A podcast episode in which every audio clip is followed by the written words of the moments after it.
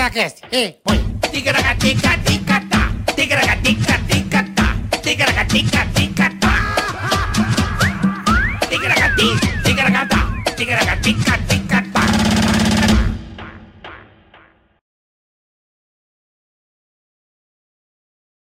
Esse começo é muito bom, cara.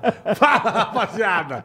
Beleza? Ô, meninos! Tudo bem, menino? Tudo bom, meninos? Começando mais um Tegaracatecast. Muito obrigado a vocês que já estão li- ligados aí no Tegaracatecast. Inscrevam-se no Exato. canal. Curtam, compartilhem. Muito Exato. obrigado. Dê o like. Faça tudo pra Dê o ajudar like, nós. chocolate. Dê like. Dê like, chocolate. É o seguinte, é, você vai curtindo, né, Boleto? Já dá, Vai, aquele, dá dá aquela o curtida. joinha pra nós. Compartilha. Ative o sininho. Isso. que é muito importante também pra você acompanhar direitinho. A sinetinha. Hoje num, num horário um pouquinho diferente, para dar tempo do nosso convidado chegar É aqui. isso aí. Estamos ao vivo aí, meu, às 2h35. É, meu, logo. Grande Denilson Show, quer dizer que a futa aqui hoje. Mas. Ele foi brincar, beijo, ele se Regina. fudeu. Hoje vai ser bom demais, É, vai ser cara. bom pra Hoje vai caralho. ser bom, cara. Então você já sabe, pode ir na descrição do canal, tá lá, Ticaracati Cash Corte. Temos também o Superchat, né, Boleta? Superchat, você quer mandar recado pra gente, Isso. Uhum. pro convidado, quer que a gente fale da sua empresa, a gente fala também. Só você entrar no Superchat, ver como é que funciona direitinho e mandar pra nós. Exatamente! Certo, Carica? Lembrando que esse episódio é patrocinado por PokerStars.net, E a ProSoja Mato Grosso. a ProSoja Mato Grosso. Sensacional, Tá com dicas certo? boas. E ó, pokerstars.net, hoje vocês vão jogar com o Neymar Júnior. se É, não, liga. não vai jogar Se com o liga. Denilson, você vai jogar Se com o liga, Neymar se Júnior. liga. Não é com o Denilson, não é com o Cafu. Pô, o Denilson é fudido, cara. Beijo, O Denilson é fudido, mano. Eu sou fã do Denilson. Grande Denilson Show! E aí, meu é parceiro? Denilson, Beleza, lá vai irmão? ele, Tudo que saudade de bom? E você, aí, de encontrar boletar? na Band. Beleza, Ver boletar? você abraçando todas as estagiárias, é fera, né? Aquela que E saudade. é pra Esse cara, só pra, só pra turma, esse, eu, vi, eu, vi, eu vi, não é que me falaram nada.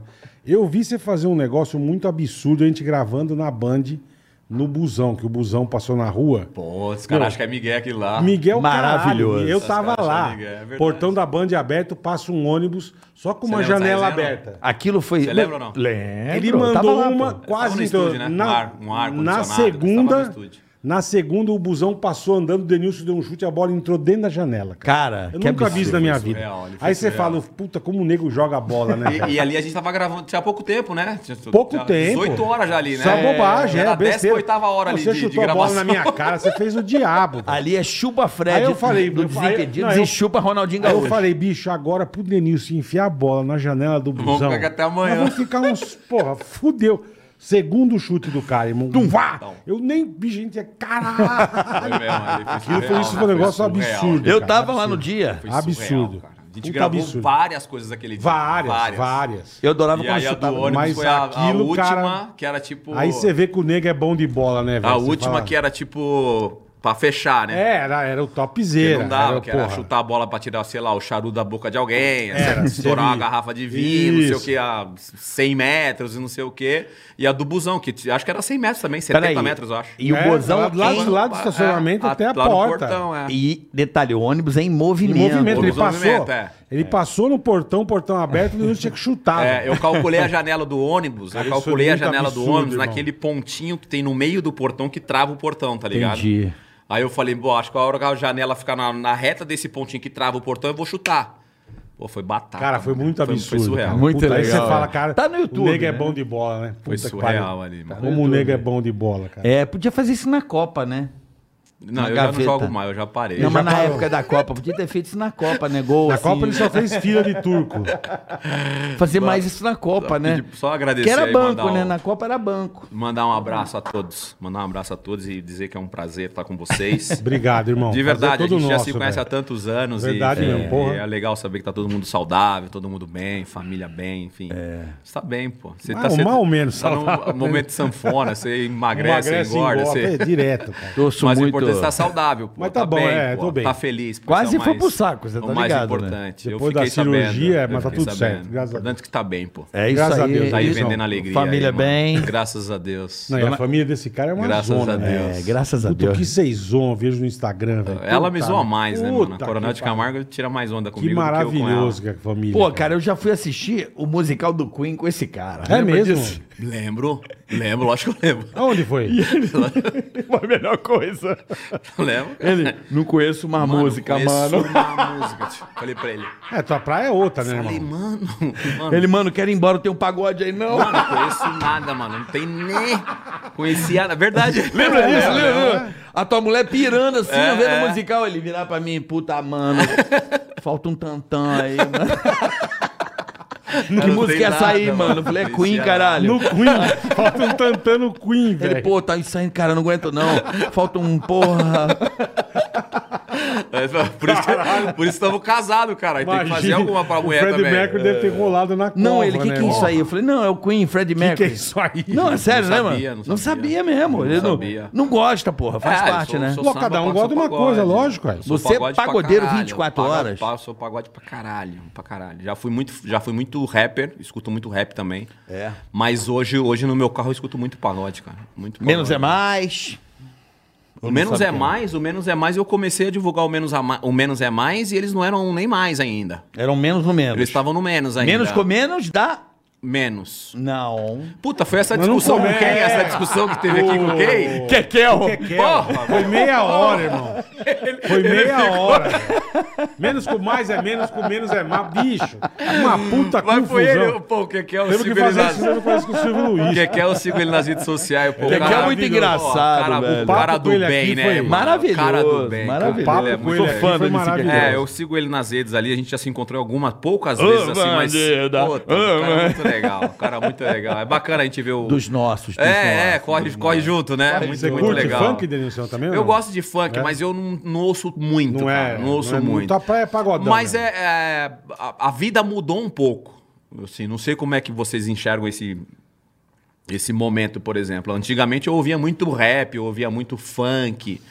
E poxa, hoje eu tenho uma filha de 12 anos. Uhum. Então, Senta, senta, senta. cara, porra, não dá pra ficar Tem coisa que não dá. mesmo. tá Tá ouvindo. não dá. Você tem razão. É, ent- assim, eu, eu tive que mudar um pouco o meu comportamento, as minhas brincadeiras, na TV, enfim, nas minhas entrevistas, porque hoje eu tenho uma filha de 12 anos que tem discernimento já das coisas, Tá, pô, na, eu não tá quero. na escola, os amiguinhos. Pô, o que vê, meu pai tá é, falando, olha o que meu pai não sei o que, ah, beleza. Se ela meter no Google e pesquisar a minha história antiga, tudo bem, mas eu, eu te tenho. Pô, é foda. Puta vai lixo. Não, é foda. Eu fico pensando de toda qualquer brincadeira que eu vou É verdade. fazer, qualquer situação que eu vou falar. E, t- porque, outra, né, meu? Hoje, qualquer brincadeira que a gente faça, você tem que ter muito cuidado pra fazer a Tem, brincadeira. pra caralho. Pô, na nossa época, pô, vocês viveram de Vixe. zoeira a vida toda. Nós vivemos, Jesus. Né? Porra, a gente faz uma brincadeira Tem que hoje, fazer, você tá tem- louco, Mas não dá pra nego. fazer 70% que a gente fazia. não dá, pra fazer. Carica. Pô, Não é, dá. é osso, nego. Eu- Na eu televisão não dá. não- Pô, você tá maluco, Esquece. cara. Qualquer brincadeira que você faz, você... Tá fudido. Entendeu? Tá e fudido. aí você... eu Mas fico o cancelamento dura um dia, porra. É, vai nessa.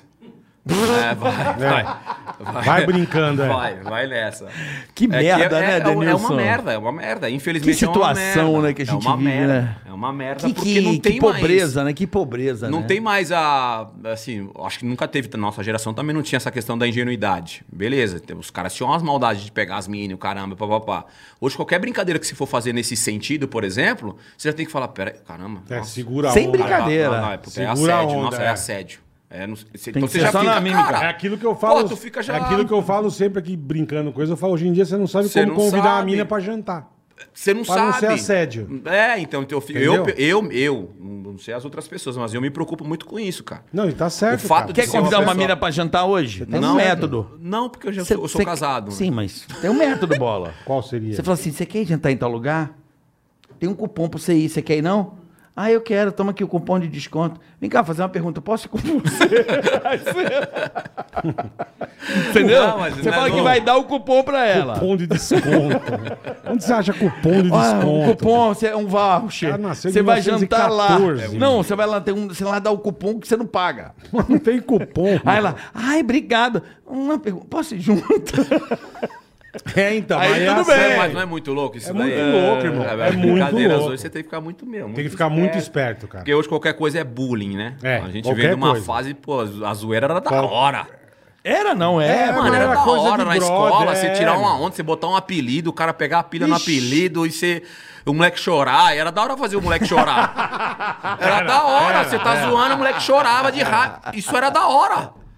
Tá ligado? Hoje era da não- hoje hora. não E, do- pode e do- nada. pô, depois de um tempo era o moleque que zoava nós e. É. É, e hoje, Hoje? dar um burro na Hoje- cara. Hoje. Hoje é mano, gordofobia, não sei o que, Hoje fobia, é tudo esquece. fobia. Você vai tirar uma onda e você fala o quê? Hoje o cara bate o sininho do reality show porque eu não tô aguentando a pressão. Tá mandando vinheta? Um pouco. É? De leve. Como diz lá o. Várias pessoas estão O saindo agora. Eduardo Batista lá, o É, treinador, irmão. fala, fala forte, fala forte. Mas é, cara. Eu imagino que era vocês em concentração. Porra. entendeu? Imagina a zoeira que não era, Você cara. tá louco, cara. Tem um vídeo, por Hoje em exemplo, dia tem é um tudo vídeo. muito esquisito, Tem um irmão. vídeo de 2008 esse vídeo, que é o- eu jogava no Palmeiras nessa época. E a gente foi pra final do Campeonato Paulista. Deve Lembro. ter no YouTube aí esse vídeo Eu lembro viralizou. desse, dessa época. Foi Palmeiras, a final foi Palmeiras e Ponte Preta, no, no, no antigo, no antigo Parque Antártica. Parque Antártico. A gente gravou a nossa concentração ali, a zoeira na concentração, tinha uma galera gravando. E, de- obviamente, campeão você divulga, você não se Sim, perde. Não divulga nada. O Vai o bagulho, pra É, né? lógico, O que o vai bagulho pra- se perde. né? Ganhamos, cara, pô, soltaram na, na- na internet e tudo mais. Você vê a zoeira, cara. É, imagino, cara. caralho. isso- Ah, Denil, você sente saudade disso? Disso. Sente saudade de futebol? Não. Da Disso- zoeira você sente. Da, des- da- dessa zoeira do, do dia a dia ali no treinamento, na concentração, disso eu sinto saudade. Mas é De botar merda, merda em calçado Cara, na pô, chuteira pelo do cara. amor de Já botou Deus, merda cara. em chuteira, Cara, a gente assim. pegava colchão, botava na banheira, ligava o chuveiro, a gente ia pro lanche das 10 da noite, aí o cara voltava, cadê meu colchão? Colchão do cara dentro do banheiro. o Cara, todo- Maravilhoso. cara isso aí Não, e é- e é tá no mu- ligado? Era... e é no Aí mundo você vai dormir inteiro, aonde? né? Vou E dormir é no mundo viado. inteiro, Bota o cara. cobertor aí, dobra dois cobertores aí e dorme aí, É, fica viado. fofinho. E é no mundo inteiro, você vê o Neymar Uma zoando, zoeira, cara. zoando no PSG. Meu, ele zoa todo mundo, cara. É Impressionante. Ah, Isso eu sinto saudade, essa O Neymar? saudade. Ele zoa Ele deve todo zoar o mundo. cara, o cara dá uma leve chorada, ele dá um brinco de. um cordão de Não, diamante, ele aí tá tudo certo. Ele joga, bicho e brinca. Ele nego... É muito da hora. É muito- cara. isso deve ser muito esse legal ambi- mesmo, esse cara. ambi- eu não sei como é que era o ambiente de vocês na, quando vocês trabalhavam lá com aquela turma toda lá. Maldade, sempre. Porque, porra. Pô, não lembra o Gui Santana que nós fizemos com ele, mano? Mas, tipo, Na ele, ele praia. levava de boa. Lembra da Carol Eu acho que Dias? ele levava de boa, acho, né? Não sei. Você não lembra da Carol Dias que a gente fez com ele, indo pra praia? Que Trocamos, Carol Dias eu não trocamos lembro. no quarto? Você não lembra disso? Ah, lembro? Porra, você- mano, é do, rock do, and do Kinder Ovo, do Kinder, Kinder Ovo, Kinder Ovo. Porra, Lembro, cara. Que é coisa mais legal. Lembro. Porra. Lembro, lembro, é a surpresinha. O dia que eu mais ri Surpresinha, na minha vida, eu surpresinha. acho. Acho que foi É. o dia que eu mais ri na minha vida. Aquele dia. No programa, eu ri. Pegaram, fizeram a menina falar que tava grávida de mim. Lá não tinha, lá, lá não então, tinha cara. sossego, irmão. Mano, vocês enterraram vivo gente lá, não Sim, é? Não, sim. Uma brincadeira lá. Não tinha sossego. No Ué, pânico mas é era zoeira. foda. Paula engravidou, esse aqui me leva um... um Uma também, um trans. quilo. e me abraça. Aí eu de noite achando que a minha mulher dando uma pegadinha aqui, ó. E é ela eu sabendo. falando, porra, tá meio chuchu, vocês a, a perna durinha. Não, e esse Pô, aqui. cara, Quando abriu a luz, academia meu, tá- pô, Isso aqui, puta pra, brother isso, na aqui, minha- isso aqui pra acordar era- demorava pra cacete. E Nós combinamos Pensou com a- no pesado? E nós combinamos Minha com a é mulher Paola. né? Com a minha mulher. Combinamos com a Paola. Minha gente ia gravar. Que é gente Denilson, boa também, tá Quatro e esse meia da programa. Beijo manhã, pra irmão. Era tipo quatro e meia, cinco horas da manhã. Acordava, ia. Olha os que fia... Paola saiu da cama. E eu aqui, ó. Botamos o Paulão deitado. E Cariocão já deu aquela abraçada. Já foi que foi, Falei, bicho do céu. Aí o- E nós no canto do quarto, assim. A mulher grávida E a tem que textura- estar A mulher na grávida. concha. Não, e a na textura. concha. É, É. é. aqui, ó. Peguei Na no concha. braço, parecia uma Concha, lixa. Pô, tá grávida? né? Pô, de concha. Foi tem na que, né, concha. grávida tem que ir de concha. Então lá era foda. Lá E você só não a podia, lixa. Lá você não podia marcar bobeira, irmão. É, e né? na Espanha era essa zoeira também, Denilson? Ou era menos? Os caras são mais sérios lá. Não, eu, zo- eu zoava, assim, os caras são zoeiros também. Eu- eu- no- o meu começo na Espanha, eu não conseguia tirar uma onda porque eu não falava, não, enfim, eu não me comunicava E até em então não espanhol. tinha- não tinha então, tipo, intimidade também. É, É. e eu cheguei na Espanha, jogador mais caro do mundo, aquela parada toda, então os caras me olhavam, tipo, caralho, tá pisando um jogador mais caro do mundo aqui. Nessa, Segura a nossa, meu onda. eles.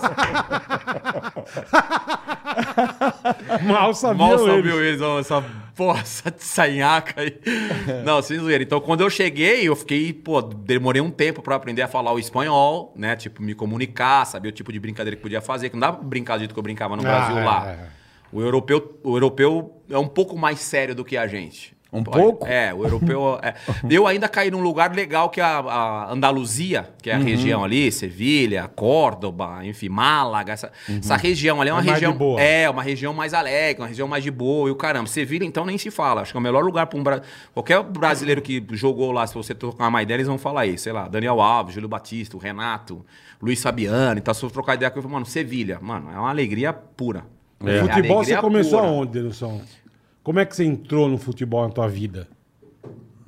Porra, eu sou de diadema, né? Você é de Diadema. Eu sou do Diadema, então eu joguei bola a minha vida toda, cara. Desde moleque, campo de Na várzea. rua, campo de várzea. Rua, que era, puta, cabe muito no que a gente tava falando no, no começo dessa zoeira. Da Essa, zoeira, essa, é. essa, essa é. uma outra parada também que já Eu era. também peguei de jogar bola na Você rua vai, pra caralho. porra, no- De arrancar a tampa do dedão no Porra, asfalto. Tirava mó onda. Puta, cara. meu. Porra, pulava, pulava pra pegar a bola, igual É, o cachorro, é, nem cachorro. é, é.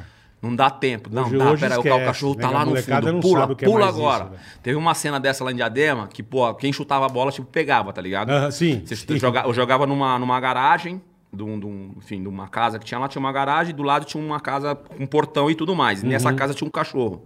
Um cachorro, Uhum. Bravo. sei lá, um pitbull da vida. E aí quem chutava a bola e caía dentro da casa da, da mulher, pegava. Sim, sim. Só que, tipo, ia uma galera pro portão. Pra chamar o cachorro. Não, pra ver se o cachorro tava lá no fundo da casa, tá ligado? Aí pode ir, pode ir. Aí cê- pula, mano, tá ligado? Aí você pulava, os caras, o cachorro tá vindo. Mano, era um desespero do Nossa, caralho. Porque você tinha que pegar a porra Mas da era bola, isso mesmo, jogar é. a porra E da bola pular- de volta e pular voltar É. o muro. É. pro cachorro. Mano, parece zo- é, zoeira, é zoeira. Mas, mano, mas se o cachorro pega, am- amassa. Amassa. Mas a Regaço, seleção, caralho, É a, a mas É. seleção podia treinar assim, É. né? Mas, mas tá ligado? Um bagulho de, de 12 anos, 11, 12, É, 13. Moleque, isso, Na minha moleque. rua tinha um prédio, tinha um prédio que É ele tinha- isso. Sem ter noção da ele zoeira, tinha- da- da- do perigo, entendeu? Ele tinha apartamento no subsolo, não era garagem. Tinha no térreo, e tinha pra baixo e pra Uhum. cima. E a gente, a bola caía, a gente pulava, irmão. Outro dia eu passei, eu fui ver, eu falei, mano, como é que a gente pulava dessa altura, velho? E não quebrava as pernas. É surreal. E pulava a molecada pra buscar a E aí bola, teve, teve velho. uma Até vez. que é uma brincadeira sadia. Não, teve uma vez. Sadia. Na minha, na minha rua, eu Sadia. jogava. Fazia terra de, de material de construção e soterrava. E tinha que tirar o É. Cara. é, outro. Não, era, Era uma brincadeira legal. Uma, uma das, uma dessas vezes eu, eu que pulei pra pegar a bola. do cachorro. Do pa, é, os caras, gaguinho, que os caras chamam de gaguinho. Gaguinho, pô, pode pular, pode pular, mano, pula, pula. Aí eu pulei. Cachorro, gaguinho! Aí eu peguei a bola, joguei pro, pro- de volta, fui subir no muro, pisei no cano. Quebrei o cano da casa da mulher. Nossa, velho. Quebrei o cano e subi na, na, na- na caixa elétrica ali, da, da- da- fica ali fora ali, Sim, subi sim. e tal, eu pulei o muro. Beleza. Porra, só que só escuta o barulho, né? Nossa, água vazando pra Acabou caralho. a pelada. Todo mundo, cada um correu pra sua casa e eu quietinho, mano. E aí teve algum cagueta que eu vou descobrir quem Goelô. caguetou aí. né? É. Tá ligado? A mulher falou, mano, estouraram o cano de casa, não sei Quem o que quê. foi? mano. Quem que foi? Esse cara, ah, foi o Gaguinho. Foi o que eu- Foi o Gaguinho. Filha das que era O meu Ga- apelido na época. Foi o Gaguinho. Aí, pô, a mulher bateu lá na minha porta. Aí, pô, deu um- primeiro ela, ela falou com meu pai, com a minha mãe, do, porra, do perigo, do cachorro, Uhum. cachorro, pá, é. não sei o quê, papapá. É o que você falou, se pega, É, morre, irmão, ela morre. falou, primeiro ela, ela foi bem pra caralho. Ela falou, porra, tem um cachorro lá assim, assim, assado, se pegar, machuca e tal, toma cuidado. Mas, porra, teu filho quebrou o cano lá de casa lá, né? Tem que Como é que chegar, faz? né? Porra, e meu pai, é, cara, né, não era Teu uma pai era fase bravo? nossa. Não, não era uma fase nossa da hora fi- financeiramente. Qualquer 50 reais ali, Porra, fi, era tenso, tá ligado? E aí, isso que pegou pro meu pai. Meu pai me deu um esporro, caralho, tá, tá, tá, tá. Falei, não, não, minha senhora, eu vou, vou arrumar pra você lá, blá, blá, blá, sabe assim? Mas você não tinha essa noção do perigo. E aí nunca mais, mano. Comeu. Nunca mais. Nunca mais, Vai é. comer. Nunca mais, mas eu sou de diadema, eu jogava bola na várzea e tal, até eu entrar no São Paulo com, sei lá, 12, 13 anos. Mas Você você começou foi- no São Paulo. É, o Pro- primeiro- É, aí, estruturalmente falando, assim, legal. Peneira, Paulo. Denilson, Não, eu peneirão. já fui. É, diferenciado. né? É outro nível, irmão. É outro nível, Já chegou, caralho. já dava Não, olhada eu na Olé bola. falo- de peneira, não, eu meu. falo zoando, mas assim, eu tive sorte, pô. Sorte não, você tinha talento, Não, porra. assim, é, assim, é, tinha. ta- eu Tem tive- vídeo tinha o teu de talento, molequinho, não tem, assim? não, né? Igual Não, Ronaldinho Gaúcho? você é Não, louco, mano. aquela fase. Não, mas Ronaldinho Gaúcho tem uns vídeos dele Tem, no salão. então, mas na minha época não tem nada, não. Ninguém bebê. filmou você jogando Cê tá louco. no se, salão. Se alguém tiver, por favor. É. Não tem nada. Faz chegar, faz. Não tem nada. Nada Nunca teu. vi um vídeo meu de moleque jogando. Se alguém Caralho. tiver, por favor, faça chegar. Que merda, né, cara? Uma merda, cara. Porque o Ronaldinho, o, o Ronaldo Fenômeno tem. É, eu não tenho. um- Ronaldinho. o tem. Ronaldinho Gaúcho tem uma porrada no salão, assim. Quem deve ter, passou bem na cabeça agora esse bagulho. Quem deve ter é um menino que Hum. jogou comigo no São Bernardo, ele acho- se eu não me engano, o nome dele era Henrique. Um japonesinho. que ele era mais bem sucedido da, Meu da- pai, da o época e japonês tal. E já eu tinha- já lembro, tinha e eu uma- lembro que ele usava aquelas uma camerazinhas já VHS. de mão, tá? Aquelas Sim, pô, camerazinhas isso de era mão. chique. Mini DV. Que era um negócio tipo, era chique, velho. sabe? E ele gravava os jogos do filho, né? Então não sei se de Hum. sei lá repente no eu meio, tô é, passando atrás do é. filho ali, sei lá. Dá um lulençal. Tá Isso é era ligado? salão. Pode- Não, já no São Já no Bernardo, campo, no no, São campo, Bernardo. é, é. O salão eu comecei a jogar salão, hoje, hoje tem que falar futsal, né? Se falar Futsal, salão, é. os caras. Minha época era salão, Falar é. burro pra caralho falando, falando É. de salão. Salão. Salão. Minha época era Foda-se. salão. Na né? época era futebol salão. de salão. Isso. Futebol de salão. E eu joguei futebol de salão no São Paulo. Porque o cara que foi me levar. o- com- Resumindo a história, a história é muito longa. Eu fui, eu fui pro Pauliceia, que é em São Bernardo. Uhum. Meu padrinho me levou para Policeia, porque tinha um- o treinador Benê, que era- foi um ex-jogador do Corinthians na época. É, tava precisando de um jogador da minha idade, enfim, naquela época, sei lá, 11 anos, 12 anos, que jogava pelo lado esquerdo. Meu padrinho falou, pô, meu afilhado. E aí eu fui para esse Policeia. E aí f- lá eu enfim, treinei, tal, tal, tal. O Benê gostou e falou, fica aí com a gente. Fiquei. E aí, poucos meses depois, ele falou assim, ó, estão montando a seleção de São Bernardo. Na verdade, eram era Caralho. os melhores jogadores de Diadema, Santo André, São Caetano é, e São Bernardo. Então eles fizeram um Juntou a turma. catado da região, Fizeram uma peneirinha fizeram ali. uma peneira, tal, tal, tal, dos times da, da- lá do- do- da- das quatro cidades. Isso que, é 11 anos? Isso eu com 11 anos. Aí fizeram o catadão Caralho, e aí velho. montaram a seleção de São Bernardo, que é esse estádio que eles jogam agora, o primeiro de maio. Uhum. Pô, aquele estádio tava construindo lá ainda. Caralho. Moleque, assim, a Uhum. gente chegou a treinar lá. E aí montaram a seleção de São Bernardo. Aí eu fazia. Quando eu falo, pô, seleção de São Bernardo, você- você fica, caralho. Puta, pica, né, mano? Pica pra caralho, Pica, lógico. Seleção de São Bernardo. Lógico. Caralho. Aí montou esse Você time, com que é 11 onde tava esse anos, Henrique cara. que eu falei. Pô, tinha uma puta, muita, muita molecada. né? E aí eu comecei a me destacar nesse time. Comecei a jogar nesse time, nesse time, pá, pá, pá, Tu já destacar- era o... Ficava... Destaca- É, já comecei a me zoava os destacar, me cara. destacar. A gente foi fazer um torneio na Argentina, por exemplo. E aí, como o clube não tinha condições de pagar hotel, essas paradas, a gente foi de busão pra Argentina. E lá no busão dividiam, tipo, dois, três jogadores pra ficar em casa de famílias. Sim, eu fui jogar rugby assim. Tá mano. ligado? Fiquei Dividiam na ali e casa de ficava. família. É, não dava pra ficar todo mundo no hotel. Então É, ficava foi- vocês dois numa casa, ficava ele em Isso, outra isso casa, mesmo, é, né? é. Dividiram. E a família que eu fiquei quis me adotar. A família argentina que eu fiquei, a casa que Olha. eu fiquei, quis me adotar. Eu falei, pô, teu Queria pai que e você mãe no mo- Brasil, É, caralho. mas por que você Não tô largado, não. Acharam que você era largado. Não, calma, bebê. Eu, teu família no Brasil, caralho. Mas chegaram pra você e falaram. É, nós queriam me queremos te ado- um adotar. É, uma família argentina. Porque, porque eu acho. Mas por quê, cara? Porque, mano, o nó cozido, mano, magrinho, nariz escorrendo. Imagina, neguinho, nariz escorrendo, a mulher Todo "Mas isso aí rebelento. Ficaram com É, dó. falou, mano, esse maluco tá sem ninguém, filho. Tá largado no mundo, vem cá. Jogando pra caralho, Jogando né? pra caralho. Imagina, imagina, mano, na É, rapaziada lógico, argentina. caralho. Lógico. Tá ligado? Aí eu ser falei, foda. não, meu, teu pai e mãe no Brasil, cara. Então eu sou largado, não. Não vem com essa, não. É. Sou cachorro magro, mas... Porra, e aí, e aí depois desse torneio, a gente foi fazer um torneio em Caraguatatuba, com os quatro grandes de São Paulo e o São Bernardo convidado. Ara- É o, o Araraquara, Uhum. de sede, e os quatro grandes de São Paulo e o São Bernardo como convidado. E aí nesse confronto, eu joguei contra os, os quatro grandes, no confronto contra o São Paulo eu joguei bem. Aí a turma já E deu aí aquela o treinador bizuiada. do Nelsinho na época falou... Nelsinho Batista? Não, é um outro Nelsinho. um bem Nelsinho que antigo. jogava no São Paulo? É, um, O meia? Um, um neguinho Não. baixinho. Ah, então não, Não, é o sei Nelsinho. se ele era meia, enfim. Tinha um jogador chamado Mas aí o Nelsinho, que era o treinador da base, falou: Poxa, garoto, aí sim a gente tava num colégio, todos os times concentravam num colégio. Que era a Tá, época de férias da tá. escola, e aí beliche na- nas classes. pô, Juntava todo louco, mundo muito lá. louco, mano. Isso onde? Em Araraquara. É, Araraquara não, Pra- pra Caraguatatuba. Esse torneio. Ah, pra- esse Caraguatatuba? torneio. É, Caraguatatuba. Caraguatatuba. E aí eles colocaram todos os times num colégio, que era a época de férias da escola, botaram beliches na- nas Sim, classes, sim. aí ficavam todos os times. Então a gente se encontrava na hora de descer ali pro... pro, pro como é que fala, cara? Tipo refeitório. Aham. Na escola ali. Na hora do recreio ali, você vai Sim, ali comer. sim, sim. Então você encontrava todo mundo. E numa É. dessas o treinador falou, pô, eu queria que você fosse pro São Paulo. Caralho. Eu falei, pô, tem que falar com meu pai. Não, beleza. O termina- argentino? Falei, tem que falar, tem que falar com meu padre. Mas Aí ele Mas que falou, não, legal, beleza. a imagina, a- você não deve ter acreditado, Não, né, na hora entrou porra. pro ouvido, saiu pelo outro. É. Moleque, querendo jogar bola, entrou pelo outro. saiu- Aí acabou o torneio. Aí ele mandou um representante do São Paulo lá em São Bernardo me buscar. Isso, Caralho, que tipo, semana legal, depois, Denise. assim. essa época, hoje em dia, já, já teria uma puta hoje é outra grana. parada. Eu, eu acho que hoje... o que que mudou, eu- você acha? Mudou, Dan? acho que tudo. Grana, o cara já vinha com uma Eu puta acho grana, que mudou né? tudo. Eu não- eu- eu- de verdade, assim, eu não, eu não tenho. Acho que não existe mais a peneira hoje. Você colocar 200 moleque lá e ficar sentado um treinador com uma pranchetinha na mão, Como é que é seu nome? Carioca. Quantos você tem? 11 anos. De onde você é? Quem De que passou Diadema. aqui e falou pra gente Ô, que bola, não pe- sei o que, tá, tá, fez tá. peneira com 300. E ficar ali e, tipo, ir riscando o nome. Pô, isso aqui, bom. Vai, vai- volta. Não- acho que não tem mais isso.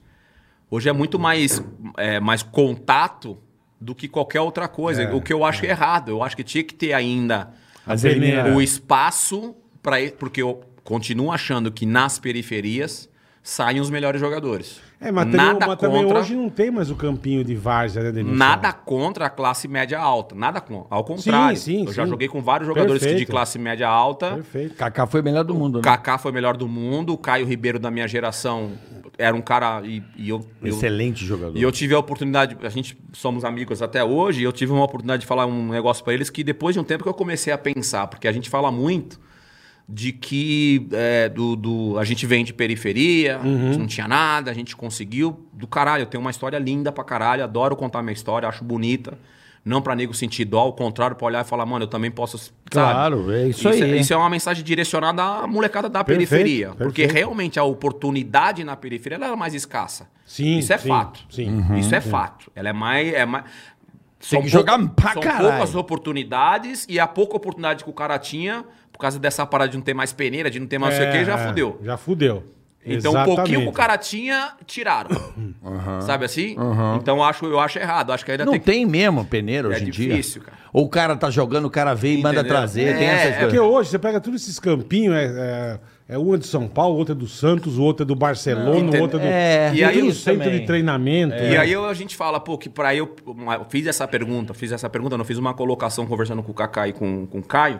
Falei, mano, é, foi mais difícil, eu acho que pra vocês que vie- chegaram num ambiente de 95% de periferia, futebol base é periferia. 90% daquela molecada é cozido da periferia. Sim. E você, Kaká, você, Caio, classe média alta ou classe alta, vocês estavam num ambiente que não era o de vocês, entre aspas. Então, pra eles, provavelmente foi muito mais difícil uma adaptação. Uhum. Tá ligado? Do que pra nós, que pra nós, pô, olhava Dormir pra na- você, você, mano, você também dormia no chão igual eu, você dorme no chão igual eu. Dormir em Caraguatatuba Aqui não, num mano. um colégio do caralho. Aqui não, mano, aqui tem quarto já particularzinho, já, tem um caminha quartinho legal, dele, já tem uma TV no... é.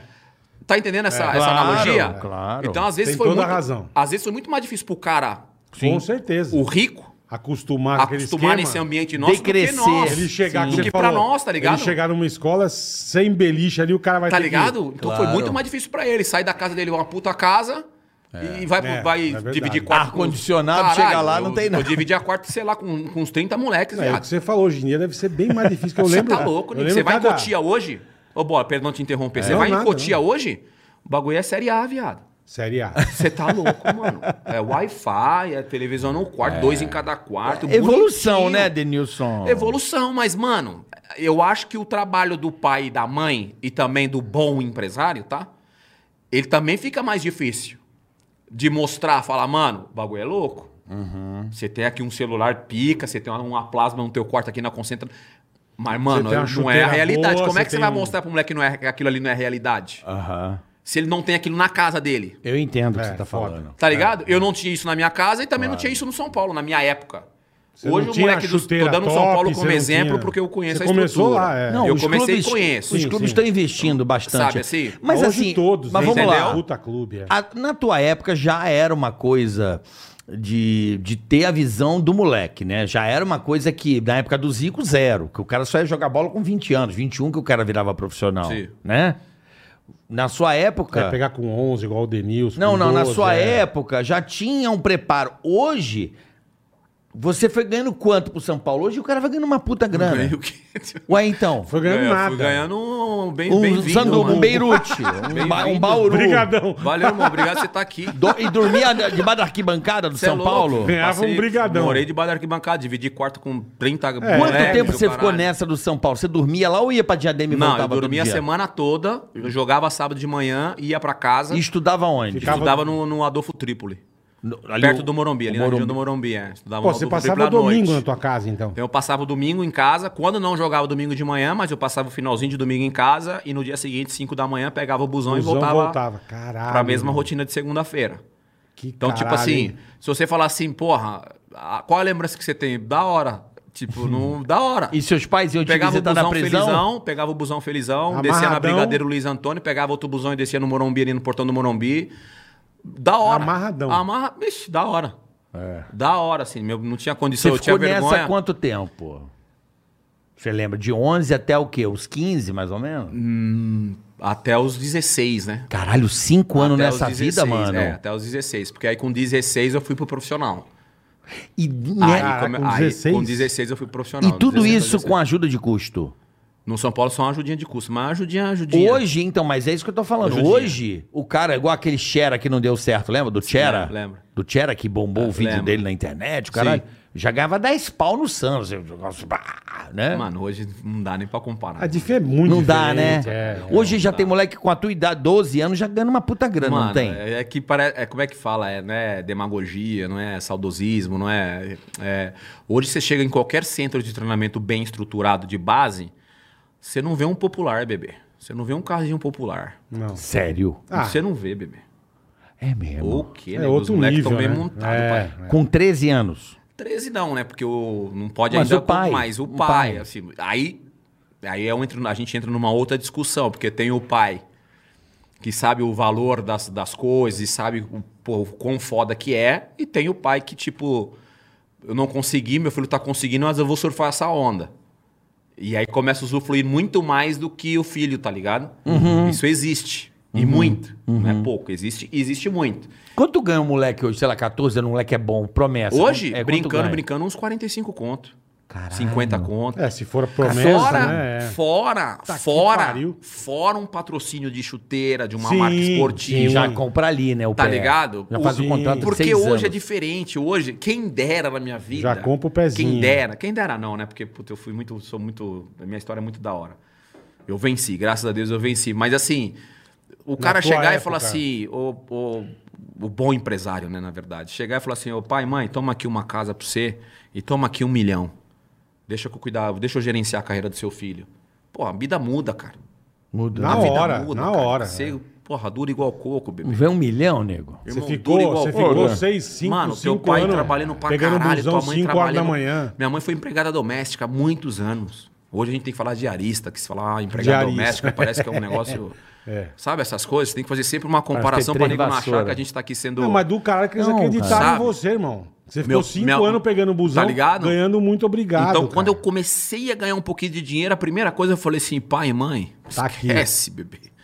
Agora é com nós. Não vai trabalhar Isso o mais. quê? Com 16? 16 anos. Que aí você você foi foi pra- para 17 anos. Você foi profissional de São Paulo. Fui profissional, é. E pro profissional foi muito rápido, assim, do, do- Da da... base.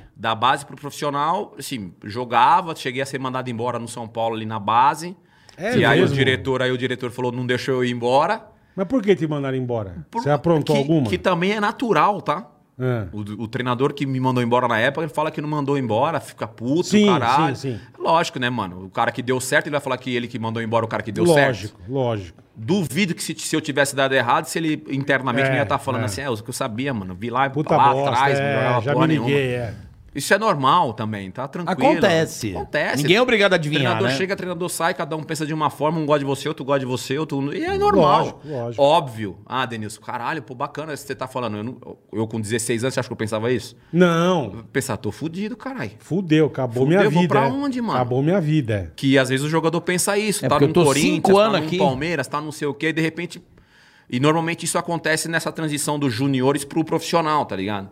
Que não dá pra subir s- 30 caras. Não dá, não dá. Sobe 5, 3, Tá 4. errado? O- Porra, sobe 25, só 5 sobem de 30, 25 vai buscar a vida, Vaza, viado. Palha, vai pra Araraquara. vai. Vaza. Entendeu? Vai pra Porque não dá Bragantino. Um- uns o Corinthians, em- o Corinthians vou dar, certo, pra não ficar Sim, falando um só de São exemplo, Paulo, um não sei o exemplo. que, vai. Um- Palmeiras, um, Santos. Flamengo vai, empresta, né? Porque vê que tem um talento, mas ah, nesse momento não cabe aqui. Então empresta, tal, tal, tal, ganha, mas- Ah, Tô bem nessa posição. É. tá ligado? Então, tipo, vou emprestar esse aqui porque esse aqui vai vingar daqui dois, três anos, pô, vamos deixar ele vinculado com a gente. Então tem esse processo. Lógico. Na época, o cara me mandou embora porque me mandou embora. Como é que é Ó, o nome vou desse maluco aí? É um maluquinho aí.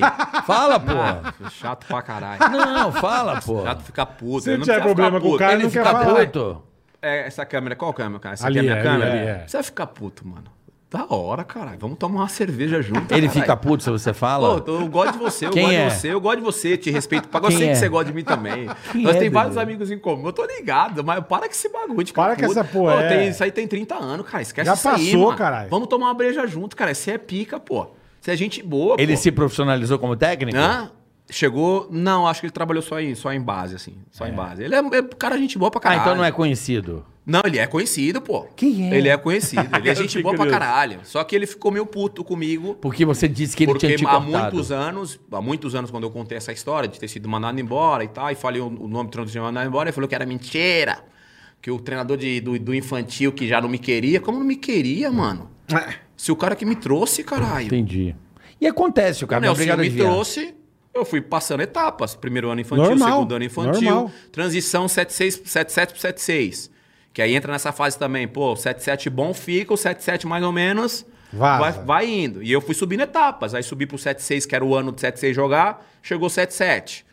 Sabe assim? Agreguei ali e tal. É, eu e sou nesse- 76, você é 77? Sou 77. É. Aí nesse momento do 76, pô, você pega uns caras mais velhos, os caras uns melhores que outros, Uhum. mais, mais maduros. Vai ficando mais difícil essa competição.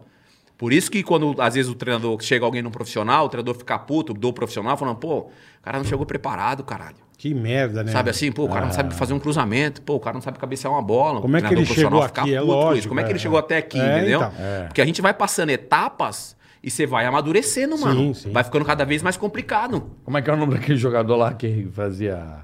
Quem, mano?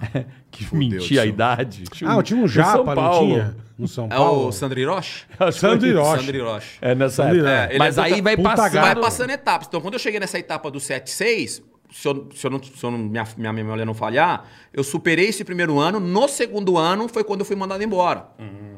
Fui mandado embora. Fui mandado embora porque, enfim, beleza, não gostou de mim, não gostou de mim. Sim, tá tudo sim. certo, fui mandado embora. Óbvio, mais uma vez, naquela época eu falei, fudeu, vou pra É, onde? Um puta desespero, Puta né? desespero, vou Caralho. pra onde? Acabei ficando por causa do seu Sérgio Bragança, que era o diretor das categorias de base. Acabei ficando. Só que, não sei necessariamente se foi semanas ou meses, eu fui treinar contra o profissional. A juvenilzada foi treinar contra o profissional. Com o Tele Santana e Murici, que tava, porra, Puta, Murici aí tá vai começando pariu, a carreira O Tele. dele. cara joga pra caralho, Mel. E nesse, Tele Santana, e nesse caralho, treinamento, né? Ah, mestre. nesse treinamento de juvenil com o profissional, o, o, o Tele Santana, o município, pe- pediu só uns três, quatro garotos lá pra completar ali o time reserva ali do profissional. Quem tava entre esses três, quatro? Você. Você. O pai, né, bebê? O pai. O pai tá on.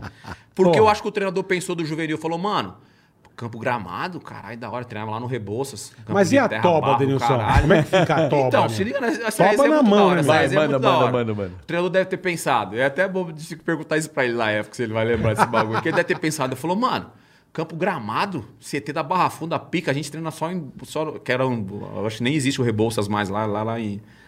Perto do, da Giovanna Gronk, subindo na Giovanna Gronk, ali tinha um, um campinho de terra que a gente treinava ali, o juvenil ali. Campo de terra e era pegada. Aquela poeirada pegada, mesmo, é. Uhum. Pegada, acho que fizeram o prédio ali agora, mas é pre- pegada. E aí falou, mano, campo gramado, eu vou usar meu time titular, o caralho, pra preparar, tá ligado? Vai lá, carioca. Ô, bola, vai lá completar Vai lá. o time reserva profissional lá. Foi meio assim, tá ligado? Aí foi eu, foi o Fabiano. o- Fabiano. a gente fala gerro do Vandeco. Gerro do- Eu Gerro sei Van- quem é, o Fabiano, Fala, gente Fabiano boníssima. Costa, ninguém sabe quem é, ele fica puto comigo. Fala, Adoro Fabiano, ele. é, genro, é Fabiano Gerro do Você não Vanderlei. lembra do mano. Fabiano, não, bola? Olha lá. E o- se eu falar pra você, eu vou Fabiano Gerro do Vanderlei? Jano Vanderlei chegou. Aí você lembra, tô ligado, é, aí você tô lembra. ligado. Ah, Tá vendo? Fabiano Costa, ninguém sabe quem é. Ele fica puto. Fabiano fica puto. ele fica puto. Ele fala, Dera, para com essa porra, hein, mano? Para com essa... E ele jogou pra caralho, foi bem pra caralho no Galo. Gosto Ele pra foi com o caralho esse Fabiano, cara. putz, é meu irmão, porra, Joga meu irmãozão. muito. A gente passou toda a infância juntos Junto, no é. São Paulo. Todas, pô, ele, eu, ele e o Marco Aurélio. O Marco Aurélio é o neguinho. Cunha. O neguinho, neguinho, meu parceiro. Eu pensei que era o Marco Não, Marco Aurélio, não, Cunha não. Não, achei que era o ba- o Aurélio, baixinho, o Marco barbudinho. Aurélio, o Marco Aurélio é Neguinho, cara, jogou lateral direito. Eu não pô. conheço ninguém, Denis. Ah, pô, você tá moscando as ideias, pariu, caralho. meu. Tá Eu muito- não lembro pô. do Marco Aurélio, não. Não, pica, jogou no Cruzeiro, jogou no Santos, o caralho. Marco Aurélio, que eu me Marco lembro, é Aurélio. né? Marco Aurélio Cunha. N- É, o, O gordinho, é, o baixinho. o- o dirigente. O, É, o médico. é, é, ele vai lá do dirigente. jogo aberto e fala, pode ficar em pé aí, tá, tá agachado, ele fica puto. Né? Um beijo pro doutor. Realmente difícil, Um senhor. beijo, um beijo. Sangue bom, adoro. É de boa. Um beijo pro doutor. E, aí, e aí, nesse treinamento com o profissional, eu me destaquei. Eu, o Fabiano, outro- treinamos contra o, reserva, contra o re- reserva contra o profissional, a gente se destacou lá. E aí, na semana seguinte... O nego já cresceu o Não, na- olho. aí na semana seguinte, o, o Tele pediu só pra levar os quatro lá, os três, quatro. já não foi uma Ah, ele já se juvenilzada ligou, toda, tá entendi, ligado? entendi. Falou, pede pra trazer lá de novo lá o Os bola, menino o que carioca, entraram, o pá, é. não sei o quê. Aí, mais uma semana, a gente foi lá. E aí começou a s- acontecer isso, tá ligado? caralho, A mano. gente chegava no Morumbi pra treinar, tinha uma perua lá pra levar nós pra- Leva pra tá Barra pro- Funda. Leva pro profissional. Porra, Leva o profissional. E aí começou. E aí eu falei, mano, Tá até me ficando arrepia bom. de Tá- lembrar, mano. Tá Tá, acontecendo alguma coisa. acontecendo algum bagulho, tá ligado? Que do caralho. Tá acontecendo algum velho. bagulho. E aí teve um momento que eu fui e não voltei mais, filho. Teve É. um momento que eu fui e ele falou assim: não, tem que morar aqui agora. É, Vai você morou vai lá. morar também. aqui na Barra Funda. Mas e a- e a Tobinha? Foi a minha Não, aí ficou pergunta. gostosinho, né, pai? É. Porque eu Ali- morava, ali é dividia chique. quarto com 30 moleques. Acabava a treino, você tinha que dar um pique pra caralho pra, pegar a melhor chegar no cama. quarto. Não, Pegar pra a pegar água cama. quente, viado. Ah, se não pegar acabava água a água quente. quente. é. Não, se demorar um pouquinho, Acabava. tomava banho. Imagina, 15 tomaram banho. Chegava os outros 15, já era, água fria. Então era uma briga do caralho pra chegar no, no quarto pra tomar banho de água quente. Mano, mó treta. De repente, bebê. Banheiro e o caralho. Porra. Ai, chuveiro à vontade, na E televisão. é Muricy, no meu, quarto. esse moleque, pega o moleque e joga pra caralho, meu. Esse moleque é foda. Pega esse moleque, meu. Esse puta G. Tá ligado? Ponto esquerda fudido, cara. tá ligado? E, aí, o Murici tava começando também a trajetória Ele era dele como assistente, ele ele, era- uma assim, coisa ele era muito auxiliar do Tele. Né? Era Era auxiliar. auxiliar. tava começando a trajetória Na dele hora que também você como chega na treinador. estrutura dessa, na tua cabeça Aí não você deve fala, acreditar, mano, né? Não mano? volto mais nunca É, mais, filho. então. Ficou você, o Fabiano. Aí ficou eu, Fabiano, Marco no, no Aurélio. profissional, mano, o Marco Aurélio, o Marco Aurélio ficou. Marco Aurélio foi ficou embora. no São Paulo ali um tempo, depois cada Mas um ali foi- ficou foi- você, Fabiano. Eu e o Fabiano só. Só Quem os que era o dois. time titular? O Raí era. Aí, Leonardo, Cafu, Caralho, Raí, é, só gente ruim, hein? Que tempo bom pro Não, São mas Paulo. olha, gente é, e o- ruim, e o hein? time reserva, o time reserva, que é esse famoso time reserva que, que eu É me. o comecei a Expressinho. treinar, o tal do Expressinho. Expressinho. Eu comecei a treinar com o Jameli, com o Caio, com o KT, finado KT. KT. O Alexandre, que foi o goleiro que faleceu lá no acidente de carro. Lembro. Mona, um volante, Pavão, André Luiz. tipo, Mano, o André, a- o André Luiz já tava já bem já de lateral Era o esquerdo. expressinho de São Ronaldo Paulo. Luiz, Gilmar, Gilmar. Cara, um puta time. Rogério Ceni. O Rogério Senna é da tua geração Era- também. era né? da- o Rogério Senna é mais velho do que eu, mas ele já tava lá no, no reserva.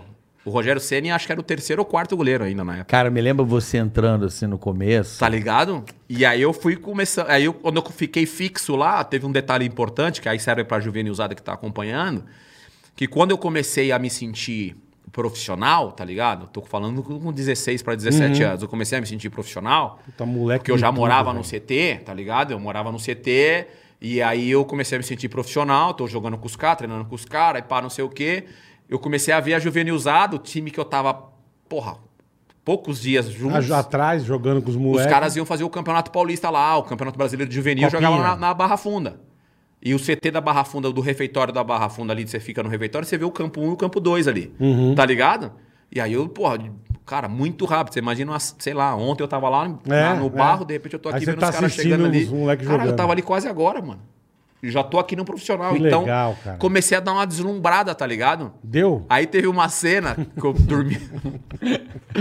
teve uma cena, teve uma cena que eu. no cara embaixo. É, tá ligado? Te- Não, teve uma cena muito legal contar essa história, porque teve uma cena que eu tava já me sentindo lá o profissional, que eu tava treinando já com os caras, ju- junto com o Tele Santana e tudo mais. Aí eu desci pro refeitório, dormi, acordei de manhã, sábado de manhã, vou treinar, né? Com o profissional. Uhum. Desci, pá, grandão, tomei meu café, tá ligado? Pedi um lanche pra tia, tia, faz um misto quente pra nós aí, tia, que antes era bagulho, era louco. Mas já tava comendo misto quente lá no Barra Funda. Um misto quentezinho pra nós aí, tia. No pá, um capricho. pá, sentei aqui de frente pro campo, tá ligado? Tô tom- tomando meu café aqui e vendo a Juvenilzada chegar. E eu já pensando, falei, mano, olha lá, Juvenilzada, se fuderam. Lá, lá, lá, tá, fuderam, tá.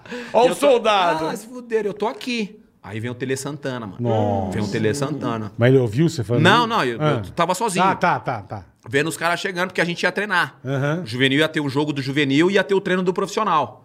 Então eu tava preparado, acordei cedo, normal, Sim, normal. Pra treinar com o profissional. Aham. E aí eu tava lá. E aí o, Tal- o Tele Santana chegou. Aí eu acho que o Tele Santana já, o Tele Santana já tava observando uma mudança minha de comportamento, provavelmente. Já se ligou. Provavelmente, porque eu já não tava, tipo, tava, sei lá, alguns dias já treinando com o profissional. Aí o Tele Santana acho que observou isso, tá ligado? Hoje, por exemplo, a gente consegue perceber a juvenilizada mesmo. Tá. Maturidade, maturidade. Se entra alguém no nosso Me- um mundo agora. Meio se achando, Acho que né, eu posso meio- falar nosso mundo, né? Sim, Comunicação, certeza. Não, caralho. da fama mesmo. do Ah, É, então, mas você reconhecimento. entra, sei lá, entra um moleque estagiário agora. Aí de Já repente o começa a estagiário já crescer, começa a fazer uma né? reportagem. Você começa a ver uma mudança, né, mano? Você já é macaco velho, você falou, estagiário, dá uma segurada, mano. Você tá. Você tá se achando, Calma. né? Calma que a janela Tô ainda vai trazendo pro chegar. nosso mundo hoje, É isso né? mesmo. Não, você tem chega a ser toda a irônico razão. e tal. Sim. Você tem eu já toda tô a 12 razão. anos, então acho que já dá pra falar com Porra, uma certa pra Você é caralho. propriedade. muda o andar, você muda o olhar. Tá ligado? Aí eu acho que eu mudei o andar, o, andar, olhar. o olhar. E aí o Tele Santana chegou e falou assim: Eu falei, bom dia, professor. Ele, bom dia. Tudo bem? Eu falei, tudo bem. Vou tá fazendo o que aí? Eu falei, tomando café. Tá, mas não vai, não vai jogar? Ele Falou pra mim. Falei, vou. Eu falei, jogar? Mas não tem treino? Ele falou, não, você vai jogar lá, pô. Molecada, olha teus amigos, teus companheiros chegando lá. Caralho, velho. Falou pra mim assim, olha teus companheiros chegando lá, juvenil usada lá, o Nem juvenil chegando lá. fudendo, meu. Você vai jogar, pô. Vai lá, desce lá, vai lá, vai lá, senão você vai atrasar. Puta Mano, brochada. meti o rabinho entre as pernas, tá ligado? Puta que Levantei do pariu. refeitório e, e fui, e fui lá pro vestiário que eu acabei, Com a turma. acabei jogando com os caras que eu, tipo, já tinha uns dias que eu não treinava com os caras mais. É, mas Entendeu? ele fez pra você baixar a tua Eu acho bola, que ele né? fez por É, isso, tá ligado? Ele certeza. falou, "Ô, calma, mano. Certeza. Você tá aqui, Baixa mas, tua mano, bolinha aí, Baixa é. a tua bola. Tá ligado? Então, Vai lá sentir o pontos, gostinho. são pontos importantes que eu tive nessa, nessa transição pra pro Volta pro sucesso. chão, né? É, foi, um- foi importante isso pra mim, tá É. ligado? Óbvio, hoje eu enxergo dessa forma. é e tal, mas é um professor. professor. Então ele provavelmente ele viu essa mudança na, na- na caminhada. E coitado, a gente. Sabe assim? E É, aí, já- pô, A gente deu uma fudida no Tele uma vez, cara. A gente, não sei se você lembra, quando tinha o D, uma feira na Embi de Hum, utilidades domésticas. Enfim, era TV, esse monte de merda. E a gente tava com um puto estúdio. Você nem tava Eu na não tava rádio. na rádio, não tava. E, meu... Eu era da base. Puto estúdio tava e tal. mudando a Tava tá passada. morando aqui Tava bancada. mudando a passada ainda. É, tudo de vida e a gente vendo todo mundo e transmitindo, caralho e tal. Daí a pouco eu olhei e falei, caralho, mano. Tele Santana. E época que ele era, meu, o puta É. pica, né? velho? Campeão do É, mundo. não importava que time você torcia, você pagava pau pra ele. né? Eu olhei e falei, caralho, o Tele Santana aqui do caralho. E ele, bicho, com um bonezinho. Mano, daqui a pouco os negócios. Ó, tudo bem? Tele Santana, como é que você. Bicho, juntou metade do AMB em cima dele. Puta que Nós fodemos com a feira dele. Tivemos que botar ele pra dentro do estúdio, porque o nego queria vir abraçar, Ele foi- beijar. ele foi foda, né, e ele foi muito gente boa com a gente, cara. Foi muito gente boa. E o né? Murici tem muito dele, cara. Eu sei. O Murici tem muito Muricy é dele, né? maravilhoso, né? O Muricy tem muito Eu troco dele. muita ideia com ele assim do Murici. Muricy é do caralho. os moleques são foda, Não, mano. Muricy Você é não do pode querer caralho. lutar contra os Eu caras, posso te meu. falar, posso te falar, cara, que ele deve. Cara, o Murici deve estar maluco hoje, vendo essa, essa geração. É, né? Nossa, e ele tá. Hoje ele tá no São Paulo e, e, cara, eu, vou, fa- eu posso falar, ele provavelmente ele tem que ter mais. Vamos trazer ele aqui, ô, ô mais cuidado pra Mujica. falar. Mas, cara, Mazinhaca, velho. É mesmo. Irmão, tem uma Mazinhaca no São Paulo com 20 É. anos de idade. Que você fala, rapaziada. tá fazendo aí, Caralho, né? então eu fico imaginando o Murici vendo. A tristeza que dá, né? meu? Sabe? Vendo e falar, mano, esses moleques não têm noção de onde eles estão, tá ligado? Do que, que eles estão vivendo aqui e o clube que, ele, tá- Não, isso que, o eu falo, São Paulo é um puta clube. meu. Sabe São Paulo assim? é um puta clube. É, o cara não tem mais o valor da. É, é, é, ele vê o mercado como um todo, uma bolsa de valores, né? Não é um. um- É, mas E acho tem que é mais, A paixão, aí, mas né? acho que é por causa disso que acontece o que você falou. As inhacas estão lá, Tá velho. louco, cara. É assim, eu As falo. inhacas. E Cara, deve ser em todos os E clubes. passa rápido, velho. É. Mano, eu sou ex-jogador, já vai fazer 13 anos, caralho. 13. Sou ex-jogador. É Tudo isso, caralho, Dezinho? Sou É. ex-jogador. Foda, né? Não parece, caralho. Acabou. Porra. É, Mano, acabou minha carreira profissional. É. Atleta profissional. A diversão, né? A Acabou, alegria Você mano. da parou com vida. quantos anos? Eu parei Denizão? com 30. Mas você parou jovem por causa de Passou meu contusão. joelho, machuquei o joelho, mas parei com 30, mas passou. É. Você parou muito novo, 30 é né, Denilson? novo. Tá ligado? Passou, mano. Você fala, caralho, mano, eu joguei bola. Só que eu não jogo mais. É. Eu- E isso passa Mas muito também rápido. agora tá mandando bem demais. na Eu me TV, né, lembro, irmão? eu me lembro do, eu me lembro do Denilson. Assim, você entrando no começo, cara, era muito engraçado. A camisa era muito maior que Muito. Sobrava. Por que, que você não tinha as camisas do teu Sobrava. tamanho? Ele parecia então, É. Não, pior do que eu era do Juninho Paulista. pô. Caralho, Porque o velho. Juninho E era- até o joelho. Juninho era Marco Aurélio Cunha, tá ligado? era não, né? O Juninho ainda é um pouquinho maior que o Marco Aurélio Cunha. É, ainda, o Juninho, o Juninho. vozinha, né? Aquela É, o Juninho As ainda... camisas vai até o joelho. Porra, lá. meu irmão. gigante, gigante. Era Eu gigante. lembro que a Mas, bola vinha aqui, cara, você Ber- corria dando os dribles, bicho. Bermudão. Pô, os caras têm que aproveitar muito a fase de, de atleta hoje. É. Muito. O Jogador de futebol especificamente tem que aproveitar muito, porque passa muito rápido. Os caras daqui a pouco, caralho. Não, é o que você falou, tem Passa muito contusão, rápido. tem o caralho, Porque tem se pode machucar. então. o- Exatamente. O Vanderlei Luxemburgo falava, falava uma coisa que, porra, ficou gravado pra mim. Tipo, cara, você tem 20, 30, é, 10, 15 anos pra jogar bola. Hoje os caras estão indo um pouquinho mais longe, assim, né? Por causa da questão física, então os caras vão mais longe. Mas minha geração era 33, 35 estourando, os caras iam jogar. Mas na tua época o preparo físico já era Assim, o É, meu mas- foco mas- ainda não. Não, já, já tinha já, mas assim, a, é, a, a- a técnica prevalecia mais. Tá, Sabe? tá. A irreverência, o Aham. improviso do atleta.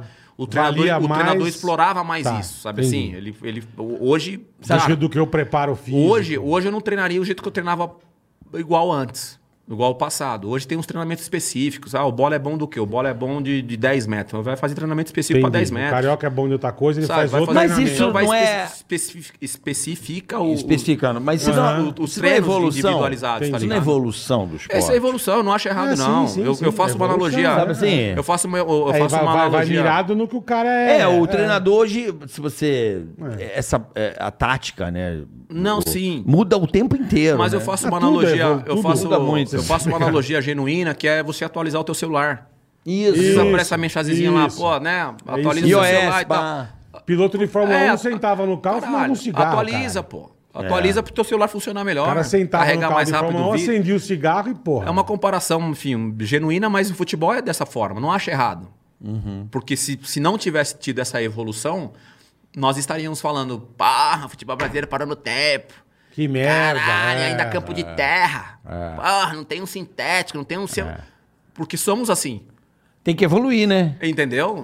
Tem que evoluir. Ah, você pega o que são os clubes Eu hoje, acho. que era antigamente. Olha o antigamente Palmeiras, tinha lá- velho. É, é. Ah, eu... Pega o, o São Paulo, Palmeiras. São Paulo. Pega o Palmeiras que você É, jogou, caralho. eu Olha a- o Palmeiras eu hoje. Acho, eu acho que não muda. O que, Os caras o que- tinham cara tinha um chuveiro lá, uma privada pra cagar. Palmeiras Acabou, hoje é velho. gringo, pô. Palmeiras é, a É, Europa, eu- porra. Pô, a gente tá falando muito de São Paulo pela ligação, Sim, sim. mas o, o, o São Paulo hoje é, é visto como um modelo antigo de estrutura. Na nossa geração, o São Paulo era pica. Referência. Pica. Pica. pica. Pica. Era referência, mano. E hoje é o O São- Palmeiras. O Palmeiras queria ter um centro de treinamento igual. Queria, blá, blá, blá. verdade. Todo mundo queria ter o centro de treinamento- centro de treinamento do, do São Parou Paulo. no tempo, São é Paulo. São né? Paulo hoje, estruturalmente falando, Já é passado. É passado. E por isso que não vem o E resultado. tem né? uma puta estrutura, hein? Puta estrutura. Só que você olha, aí você pega o Palmeiras hoje voando. Pega o Corinthians hoje voando. voando. Sabe assim? Aham. O Santos ainda precisa dar uma modernizada. É que o Santos tem uma. O Santos tem uma panela ali. né? Tem um. Tem uma panela que é, Difícil. que é foda, tá ligado? Tem lastro. É, que tem, Tem um, reserva. É. Tem, uma- tem um apego. o- Bonito pra menino. é, caralho de ver esse sentimento. Tem esse apego. Mas a Vila precisa- Belmiro. mas- é mas precisava dar um Sabe, tapa, os caras né? vocês conhecem. A gente conhece vários sim, ex-jogadores. O Santos amigão. tem esse, né, cara, ele essa... Esse, esse É apego, roots, é raiz é, esse ao apego. passado, então, cara, né? tem projeto pra fazer uma nova Vila Belmiro, tem projeto não sei o que. E, e esbarra O nego não numa, deixa. num, num muro, velho, que não vai. Então, cara, me arrisco em dizer que Santos e São Paulo, estruturalmente, tá, gente? Falando, pelo amor de Deus. Lógico. Fã de time de futebol, É, tá, né? galera tá Não, perdendo. Não tem nada a ver. Estruturalmente, são dois times que ficaram pra trás. Dois clubes que ficaram pra trás estruturalmente Mas falando. o São Paulo, assim, é, eu acho que o, lan- o grande lance, pelo que parece, o São Paulo é política. Por exemplo, tem muito conselheiro, aí não sei o quê. É, é- o- a- é muita briga interna e acaba atrapalhando a gestão do clube. assim. tem um monte de Pelo que eu coisa, percebo né? nas notícias. Ah, nós vamos assim, gravar né? lá No- um negócio. no vivo, Por é. dentro é lindo, cara. Não é lindo. É, o seu, nós fomos, Não, entramos, fomos é. gravar pro, pro, Um- pra nossa transmissão. É. Cara, eu fiquei assustado. Por Um dos, dentro é um lindo. dos problemas. é, a gente Morumbi, tá vivendo essa cara. fase agora de SAF, né? Dos clubes virarem empresa, Isso, né? isso. Estamos virando, estamos pegando Botafogo. Que essa fase. bom, que bom. Por quê? Porque os caras têm um olhar mais empresarial, mais de- de, Perfeito. resultado e antigamente não, os diretores, eu acho que parte da culpa da dívida que os clubes têm hoje é justamente por causa dessa gestão. Porque o carioca vem e fala assim: "Não, não, eu vou gastar o quanto quiser. Foda-se que o, que o bola vai vir depois de mim". Ele se o vira. bola que resolva, se vira. filho. Eu vou tentar fazer aqui o que eu puder fazer pra ser campeão. Se eu não conseguir É ser meio que a campeão, gente vai tem- deixar a é meio dívida que a de gente tem a nossa X política, milhões, né? tá ligado? Aí sai você, entra o bolo, o bola fala: caralho, tem uma dívida Fudeu. de X milhões, como é que eu Fudeu. vou fazer e tal, tal, É. tal. E aí você começa a correr, É meio correr que na nós estamos na esteira. política também, tô dizendo. O cara vem, entra um prefeito, faz coisa pra cacete, mas não paga. É, deixa O pro outro, outro. que entrar vai se fuder. Por cara. exemplo, ó, eu tava num clube outro dia e eu queria comprar um- uma camisa, né? Do, do clube e tal. do time. É, Do time, eu não vou citar o nome. Eu falei, porra, lojinha aqui, não. Não, não tem. Eu falei, Uhum. Qual lojinha? Uma lojinha do clube, da camisa, do Qual time. clube? Pra comprar um souvenir. Comprar um souvenirzinho, que eu gosto de premi- presente é- amigos. Você estava na tua casa, loja online ou você estava em loja? na loja, no estádio do, do clube. Não vou te citar o nome do clube, porque. Qual eu- estádio você foi Eu não comprar? vou, não vou. Como chama o estádio? Como é que chama o treinador que te mandou embora? Fala o treinador que ele Você fala o viu que da hora? clube. Ele Ah, fala o no final, clube. no final você fala o clube e eu falo o treinador. Tá no bom, final. pronto, tá, tá bom, bom, no tá final. fechado, fechado. Aí eu falei assim, pô, não tem a lojinha então? A lojinha tava na mão de um cara e o cara te- tegragateca, entendeu? Passou-lhe a mão. Então, tipo assim, a loja tava fechada porque tinha um cara que era responsável. e a ca- Roubando. Não sabe, entendeu? Aí eu fui, cara... que- Suspeito. Que, zoeira, é. Não tem a loja porque tá suspeito isso aqui. Eu falei, como assim, cara? Eu quero comprar uma camisa, tem gente pra caralho no estádio aqui. A loja tá fechada? Tá fechada. Tinha muita gente no estádio? Mais ou menos. Quantas pessoas cabem mais ou menos? Mais ou menos quanto a, a- a capacidade, capacidade do estádio? Que, que bairro fica o estádio? Só- É, tá perto ou tá longe? do estádio? Gente, gente de dentro. Gente Tá de perto dentro. ou tá longe? Gente de dentro. Tá muito perto da gente aqui ou tá muito longe daqui? É, bola. Qual a Tá, aqui, tá distância? por aqui ou 400 quilômetros, 400 quilômetros.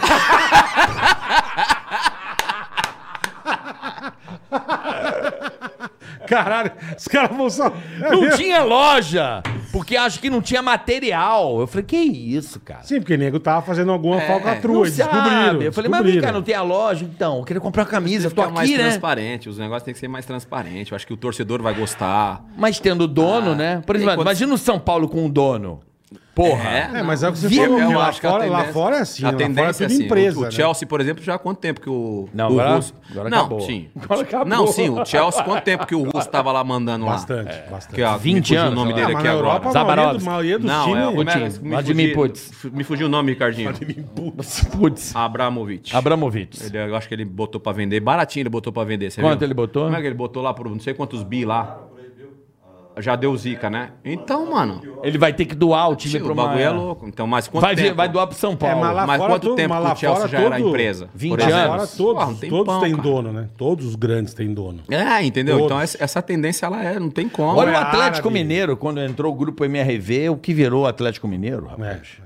Que também tá pra virar agora também. Um bi, né? Ofereceram um bi, um entendeu? City, Então, né? É, é, cara. Um o, bi? O Ronaldo, Comprou. Uhum. por exemplo, o Ronaldo assumiu lá o Cruzeiro, por exemplo. Ah, tal, não sei o quê. Já assumiu com a. Porra, desse tamanho, né? pra Assumiu com uma resolver. vara e tal. gigante. Também assumiu em Cruzeiro, não é É. Mas, real. é, mas, cara, assim, as pessoas. Eu, a gente, eu tô falando dos assuntos que, eu- que a gente vai falando sobre empresa, e o cara a gente vai lembrando. O, aí ele vai, tipo, no. Vamos, vamos, sei lá, o Ronaldo provavelmente, que tá o máximo mandatário, não quis renovar com o Fábio, por exemplo. Aí o torcedor, caramba, legal, pode ser que o- a, a sensibilidade do- faltou pro Ronaldo de renovar um contrato de um cara que tem uma puta história com, com o Cruzeiro, hoje tá no Fluminense. Às vezes faltou essa sensibilidade, mas se você olhar tentar olhar com o olhar do redundante, Isso que eu ia falar. com o olhar do Ronaldo, Ele tá vendo de dos outro caras jeito, que estão cara. Uhum. mandando, peraí, não, não cabe mais. Obrigado pela tua história, o caralho, tal, tal, tal. E, Valeu, a- é. e parece que ele ofereceu alguma situação e o próprio Fábio não aceitou. Entendi. Mas aí ele fez a parte dele, falou, mano, é dessa, tem, que ser, tem que ser desse jeito, mano. Senão a gente não vai conseguir lá na frente Uhum. Resolver colher tudo, e tal. é. Entendeu? Mas pode ter faltado essa acessibilidade numa comunicação, o cara que tem uma puta história com o clube, o caralho. Pode ser que isso tenha acontecido, não sei. Mas, cara, é- é o pensamento do Ronaldo é, não é o- um, um atleta. É, o clube. pô. Ele tem que pensar É o- no bem-estar a do empresa. clube, da saúde. né, Na firma, na na saúde firma. financeira do clube. Porra, e É o isso Cruzeiro aí. é gigante, né, brother? Entendeu? Porra! é Caralho, é o Cruzeiro é Porra! gigante, Você mano. tá louco, o Cruzeiro Toca da gigantesco, Raposa. é. Não, Porra, o Cruzeiro meu irmão. ganhou tudo recentemente. Recentemente já Mas não, que- né? como é que pô, desabou assim, De repente, velho? irmão. Mas é aquilo que vai falta. Desandou, é Ladeira grana, é falta bonita. de estrutura, é falta de Entendeu? alguém coordenar. Porque, aí- é foda, por quê? cara. Porque é muitos, é, foram muitos anos dessa gestão que a gente falou aqui agora. Desaforo, Entra né? um, fala, mano, vai ser desse jeito, gastar e foda-se. Vem outro. Vai, é me focar, me foder, não tenho fo- dinheiro pra quando nada. a FIFA chegou e falou, mano, pode contratar mais, viado. Pode fazer mais isso, pode fazer mais aquilo. Vai Aí, cercando, vai dando. É, então. Mano, porque o certo. É, o Botafogo. Exatamente. O Botafogo de- é deve certo é de imposto certo, 800 mano. O milhões. que é certo é certo. Quanto? 800 milhões de imposto. O que é certo é certo, não adianta. O tal da, a porra do tal do jeitinho brasileiro, mano. Isso irrita, mano. É irrita verdade. você que faz o certo, irrita você que faz o certo. eu Porque faço o agora, certo. só que com Quando esse. você vê, é. você fala, mano, peraí, mano. eu tô- Que eu- porra é essa, né? Por que, que eu tô sendo honesto, mano? Verdade Você mesmo. come- Mano, porque não é, verdade, normal, É viado. verdade. Você Não é normal. Não é normal, Não é caralho. normal. O, o Você tem país, toda a o- razão. O país que a gente vive, os bagulho que a gente fica sabendo, não é normal, viado. Não é. É surreal, mano. É surreal um cara te dever um bagulho e viver como se não tivesse devendo nada, viado. né, Tu já tá mandando vinheta, Porra! filha da Isso é surreal, caralho. Mas é verdade. Isso é surreal, verdade. mano. É público e notório. Você O fala, quê? será que só O eu cara tô te fazendo deve. certo? O cara te deve. Quem? E vive, e, e vive um feinho aí, um cantor feinho. E vive, mano, como se nada. E tipo, mano, não. Isso não é normal, caralho. E, irmão, é normal. Tá ligado? Pra, pra turma é E normal. você não sabe, aí você fala assim, mano, fulano de tal tá, precisa me pagar. Aí vem uma galera e fala assim, tá leco, mano. Deixa o cara em paz, mano. Ô, deixa o cara não sei o que. Deixa o cara não sei o que, mano. O ca- Aí você. Óbvio que A não. gente conhece óbvio uma que não porrada dá, que é óbvio assim, que não dá pra irmão. você ficar respondendo todo mundo, mas, mano. Lógico, lógico. é, pensa que é o, é o teu calo que tá apertando. É o teu dinheiro que Pensa que tá tirando da sua filha, do seu filho, do. Da tua família, cara. Pensa que tá tirando um bagulho que é seu. O- a- as pessoas que mandam mensagens nas redes sociais. É só fazer o. é, Porque Você não esse é um conhece um? exercício. Reverso. né? Esse é um exercício que todos nós deveríamos fazer. Se colocar no lugar do próximo. Tá ligado? Verdade mesmo. Então, quando você vai fazer uma crítica, você fala, mano, peraí. Quando, se a coloca toba, no- quando a toba vai entrar no seu rabo, Cê- irmão. mano, não é, É você normal que sente. esse maluco dever e viver vida normal e sem me pagar. Mas você acha que é só ele, Denilson? normal. Não é só ele, cara. Tá ligado? Você não conhece uns? Mas não resolveu Ele essa porra? conhece. Se eu Tio, conheço- resolveu tudo. Ele tem que chegar e falar, pai, Tá aqui. Qual que é teu pix, mano? Meu pix é esse aqui, jogador. O cantor. Cantor, meu pix é esse aqui. Ele só tem que fazer isso. Aí o cara é público, o cara vai ali, faz show, o cara vai não sei o quê. Papá, e não chega com nada. Isso não é normal, mano. Isso- A sociedade brasileira hoje. Isso é um retrato da sociedade brasileira hoje, É A mano. Justiça brasileira, você quer dizer, né? Tá ligado? Violência é tudo, em cara. estádio. Um monte de coisa, é. Violência em estádio, mano. Como é que um cara sai de casa pra, atacar, o- pra, pra bater na cara do outro dentro do Jogaram estádio? Bahia. Ó, o nego- ó, nego que não fizeram entrou no com- Bahia. O cara jogou a bomba dentro do busão. No Mano, Bahia é um nego- nego absurdo. Me entrou fala com- se esse bagulho é normal, é. Na viado. copinha, nego entrou com faca, caralho. Me fala se esse bagulho é normal, tio. Nego entrou com uma faca, meu. Que mundo que nós tá vivendo, caralho. Como é que a pessoa É entra no difícil, estádio né? com a faca? Como que eu vou com meu filho e minha filha no estádio? É, então. É difícil. Você que é apaixonado por futebol, como Eu é que você vai gosto. levar teu- teus É filhos no foda. estádio, caralho? Eu vou com o cu na mão. Tá ligado? Vou bolado. Você é uma pessoa pública, ele é uma pessoa pública. Como é que você vai no estádio, você encontra um maluco 13? Fala, é, mano, Botafoguense me enchendo o saco aqui. ah." Eu levo meu filho A direto gente- no Palmeiras. Meu filho eu é palmeirense gravava. doente. Como é que você Eu vai Eu botar o gravava. moleque? vou, eu vou no, no, no Aliança assim, ó. Aí Eu tem sou- um. Ô, filha da puta! Eu sou palmeirense. sou palmeirense, todo mundo sabe. Eu, senhor. Eu gravava o Palmeiras no Pânico. Irmão, eu, eu tinha que ir sem, a- sem o negócio da Band, porque é TV de corintiano. É, do porque o Neto. E se o Palmeiras perdesse, a culpa era minha. É, seu filho da puta, pé frio, eu falei, só tô eu no estádio. Só tô eu aqui. Você é pé quente. Mas eu tá sou um bosta. pequentão. Mano, eu tive que chegar uma hora e falar, Emílio, eu não vou mais gravar, cara. Eu apanho, eu levo cusparada. E, caralho, eu sou É isso. palmeirense, cara. Uma vez eu tava no Pacaembu. Ele é uma traíra. Foi a primeira tio. vez. Ele é uma traíra. Meu, esse foi foda. O, fui com alfinete. Com alfinete. Alfinete. Foi de quê? Que não tá mais alfinete, né, mano? Tá leitão, né? Tá leitão, tá bonitinho. Rapaz, deu uma inchada o bebê, né? Eu tava com o ouriço. Um Aí ele abraço, virou um pra abraço, mim, alfinete. cara, esse dia eu nunca ri tanto, só fizemos Mas você merda. foi gravar? Não, a gente foi curtir um Corinthians e Fluminense quando o chinelinho jogava no Fluminense, jogava pra caralho. O Quem é chinelinho. o chinelinho? lembrar. Chinelinho, porra. Chinelinho, cara preguiçoso. Não, o chinelinho, porra. O, o Roger, porra. Ah, o Roger. O chinelinho, que chama O de Roger, chinelinho. o Roger. Jogava, Roger Flores. Gente boa pra jogava caralho. no Fluminense, Jogava, jogava, pra canhoto bom caralho. pra caralho. Gente Aí boa. fomos no Pacaembu um sábado à Esse é tarde. gente boa. Já chegamos ali na, na ruazinha de trás ali, sabe aquela ruazinha aqui do alto ali que Sim, por tra- pro lado lateral do estádio Lá- ali. a lata- é, ali, onde tem um. Sei lá, rua de trás ali, Você entra né? pela numerada ali? É, e, eu não sei, aquela rua onde tem uma, uma- uma porra antiga, uma passarelazinha. Sim, é. é. O cara chegou assim pra gente e falou assim: ai, meu, quer entrar? Dá uma tribuninha animal pra vocês, cinquentinha, paga lá dentro. É só dizer a senha tal. A gente olhou um pro outro, né? Ia comprar ingresso. Qual é a senha? Tal. Eu falei, tal. Cheguei Pai, na no, pai na tribuna, Falei, né? eu, eu falei, chinelinho. Eu falei, Uriço, vamos ver se a senha é tal, né? Senha é tal. Ó, o cara. Nem olhou na cara, assim, ó. Abrindo a, a roleta, né, maluco? Aí. o Uriço, filha da puta, o alfinete é foda. Virou pra mim na arquibancada, na tribuna, e falou assim, ali na. Ali embaixo falou assim: Vocês pagaram cinquentinha? não, ia pagar pro cara depois, lá no intervalo. Ah, tá. O cara vai vender o amendoim e dá o dinheiro pro Entendi, cara do- da- entendi, da entendi. cerveja. Um negócio bem feito pra Entendi, caralho. entendi. Isso era é uma Aí ele sintonia. olhou pra mim e falou assim: Vamos dar uma olhada nesse filho da puta. Eu falei, É um filho da puta fudendo o outro, né? Você percebeu? Aí eu falei, vamos. Fazer merda, né? A gente foi lá pra cabine da PAN. Eu falei, nunca assisti jogo mesmo, vamos pra cabine da PAN. Bicho. A gente subiu, que é mais alto ainda, o cara não vê quem tá na cabine, né? Não, não vê. Não Mais enxerga. ou menos não vê. É, não sei ficar sentadinho ali, Bicho, não- o cara procurando a gente o jogo inteiro. a gente rindo pra caralho. É um filho da puta fudendo o outro, Do velho. nada, voa uma Havaiana, maluco. maluco, eu tava vendo um jogo assim, ela passou assim, ó, sal! Eu falei, caralho! Acharam nós. Acharam nós.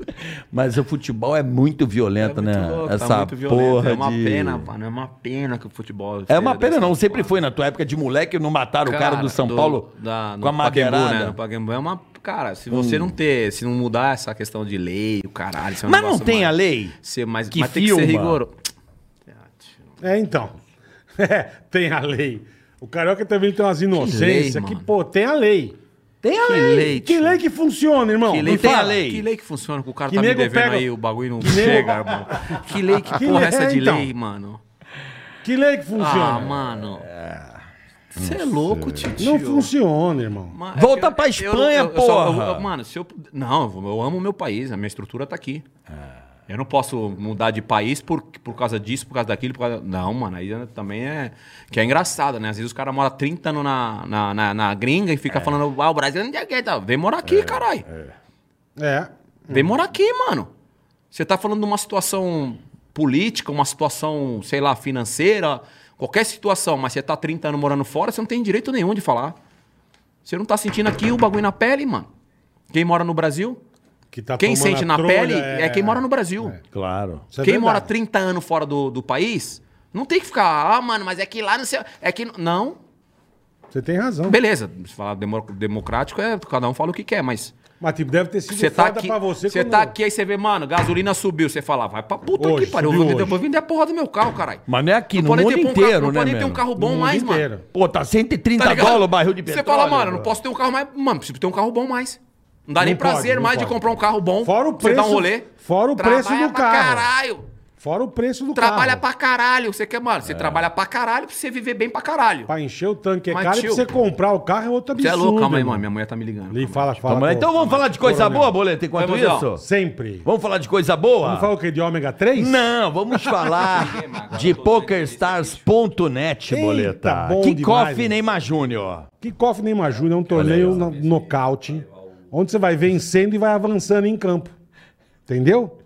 Olha que chique que é, É o maravilhoso. PokerStars.net. Eu adoro. É os jogos. chique demais, Você cara. vai avançando, bola. Você vai Você vai limando. avançando. Você vai. Eu, ah, Até você fazer o gol. eu tô fazendo gol direto. Que bom, De cara. três, eu vou só no all-inzinho, pá. Não, tum, pá. PokerStars.net é legal demais, cara. Legal Então- demais. Você vai ter essa experiência na tua vida. Isso. Vai sentir o Neymar Júnior. Eu gosto desse torneio nocaute que você É vai legal que avançando. você vai avançando, É. é. porque não é só a Conforme mesa. você vai, vai ganhando, vai avançando. E até fazer e vai o gol. conquistando o campo. E até marcar o gol. Pronto. E aí tem prêmios, tem coisas É, fantásticas. QR Code tá na tua tela. Exato. Aproveita, velho. Aproveita. Isso.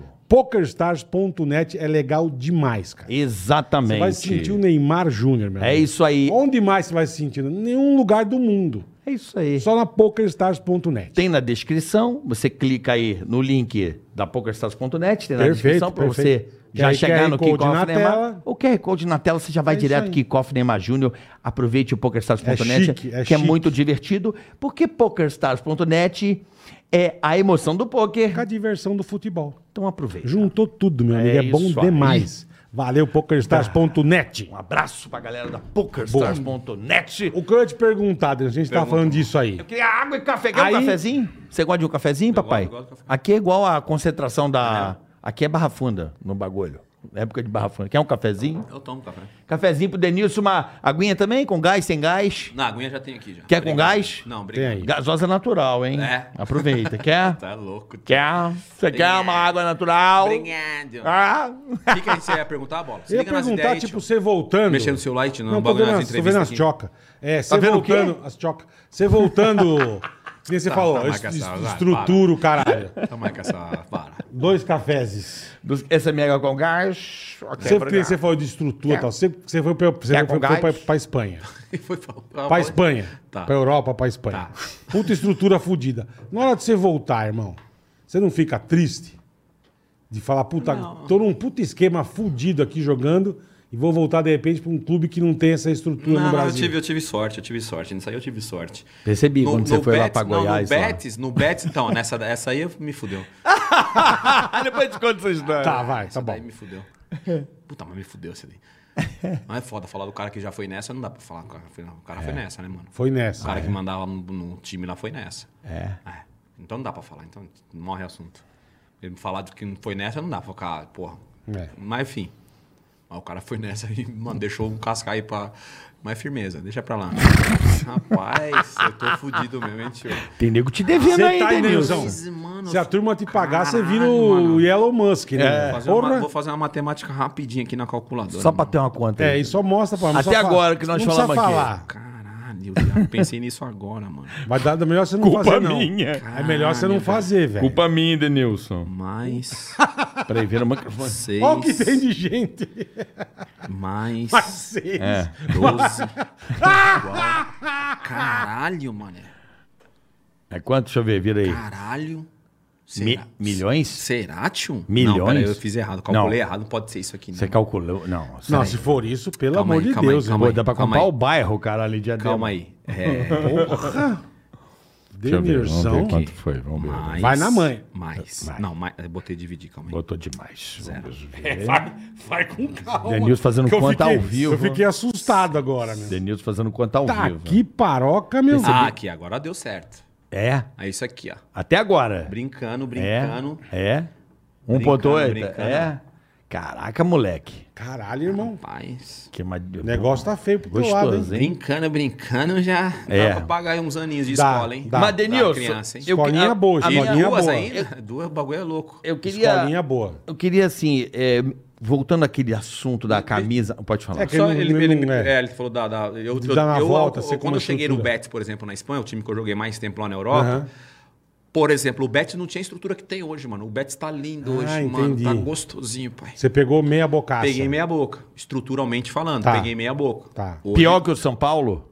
Pior, bem pior. Caralho. É mesmo? É, pior, pior, pior. Peguei pior que o São E Paulo. a gente tem aquela ilusão que tudo não, lá eu é, peguei né? um bet estruturalmente mal, Ah, cara. mas Betis é time pequeno. pô. Mal. Tudo bem, mas você acha que por ser da Peguei Europa, mal. né? Porra. O São Hoje- Paulo é campeão do mundo, pô. Hoje você, olha, hoje, você- hoje você vai no Betis, hoje lá, você é louco, estrutura é a primeira. Puxa, é louco. Hoje tá gostosinho. É, eu, fui- eu fui lá. É, só recen- você pra tornar esse eu time fui lá conhecido, né? recentemente.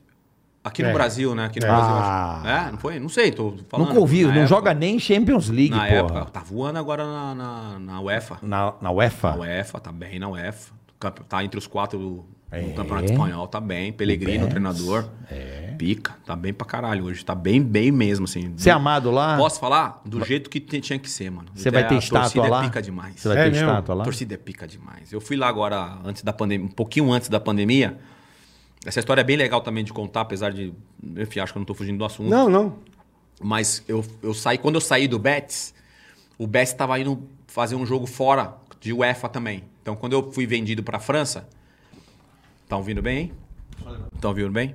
Quando eu fui vendido. É, tá, tá a legal, piroca, não. a piroca tá mole. Tá igual o. Tem que apertar aqui, não? Não, quando eu fui vendido pra. Caralho, mano, bota ele lá no teto. quando eu Aqui assim, filho. Aí, bebê. Aqui, ó. Quando eu É! Ah! fui vendido.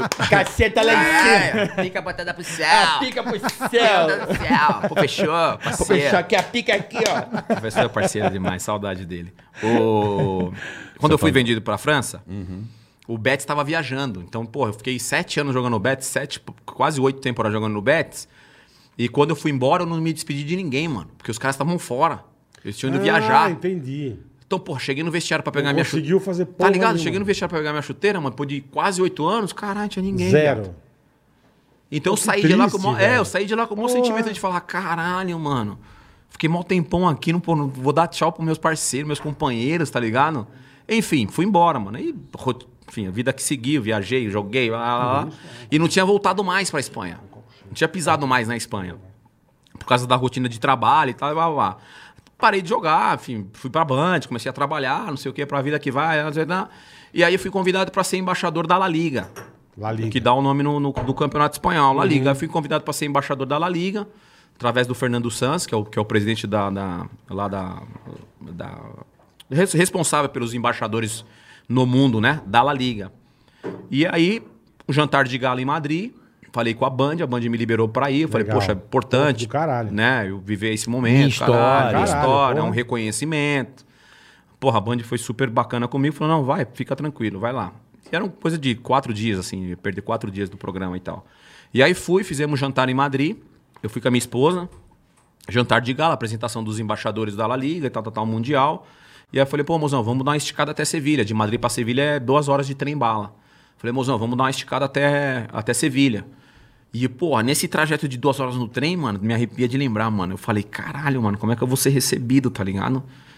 Pô, tem muitos anos que eu não volto aqui, né, mano? Na, na Es- né, não veio pra Espanha e, consequentemente, pra Sevilha tinha muitos anos que eu, não, que eu não voltava. E aí eu não falei nada com a minha mulher, tá ligado? No trem. Falei nada, fiquei na minha. E aí, pô, passava um funcionário mais antigo no trem, né? Pra, tipo, oferecer um rango. Aí passava, Olhava. olhava, tá ligado? Aí voltava. E você sentindo isso. E eu, Você eu na se ligando, moral, é. é, desde, quando, desde quando eu cheguei em Madrid no aeroporto, os caras já no aeroporto de Madrid já me reconheceram. Minha mulher, Sim, pô, minha imagino. mulher ficou toda emocionada, que foi a primeira vez que a gente viajou pra fora do país. É da hora ver. uma- Foi a primeira vez que a gente saiu pra fora do país, que eu com a minha esposa. E a minha esposa viu esse reconhecimento que a Europa ou que os europeus tinham comigo. E foi bonito ver minha mulher se emocionar, né? Porque ela vive comigo aqui no Brasil e e sabe Puta, que que eu demais, represento aqui e tal. Que E aí, demais. assim que a gente chegou no aeroporto de Madrid, pô, o cara ali pra pegar o passaporte, Denilson tal, tirar foto, não sei o quê. Ai, tira... Minha mulher já olhei pra casa da minha mulher, minha mulher, pô, toda emocionada. Aí eu falei, mozão, falei, pô, é bonito de ver isso. né? Ela falou pra mim, bonito. Uma história que você construiu, Bonito é, pra boni- é caralho, bonito ver porra. isso, mozão, e tal. Que eu... Legal. E aí, pô, no trem, mesma coisa. Aí, primeira pessoa do trem, um funcionário, Denilson. Denilson? Sei, sou Denilson. Pô, tirou uma foto, tiramos uma foto. A hora que eu desci na estação de, de trem de Sevilha, desci do trem, cara. Comecei a subir uma escadinha assim, uma escada rolante assim. Cara, o primeiro a me reconhecer foi um negócio de louco, assim. Um me reconhece. Normalmente os mais antigos, né? Uhum. Porra, Denilson. Denilson. E foi indo o negócio, foi tomando uma proporção dentro Juntou da a estação. galera. Tomando uma proporção dentro da estação. e Caralho, minha mulher irmão. vendo tudo aquilo começou a, tipo. Eu olhava pra cara dela ela não parava de chorar.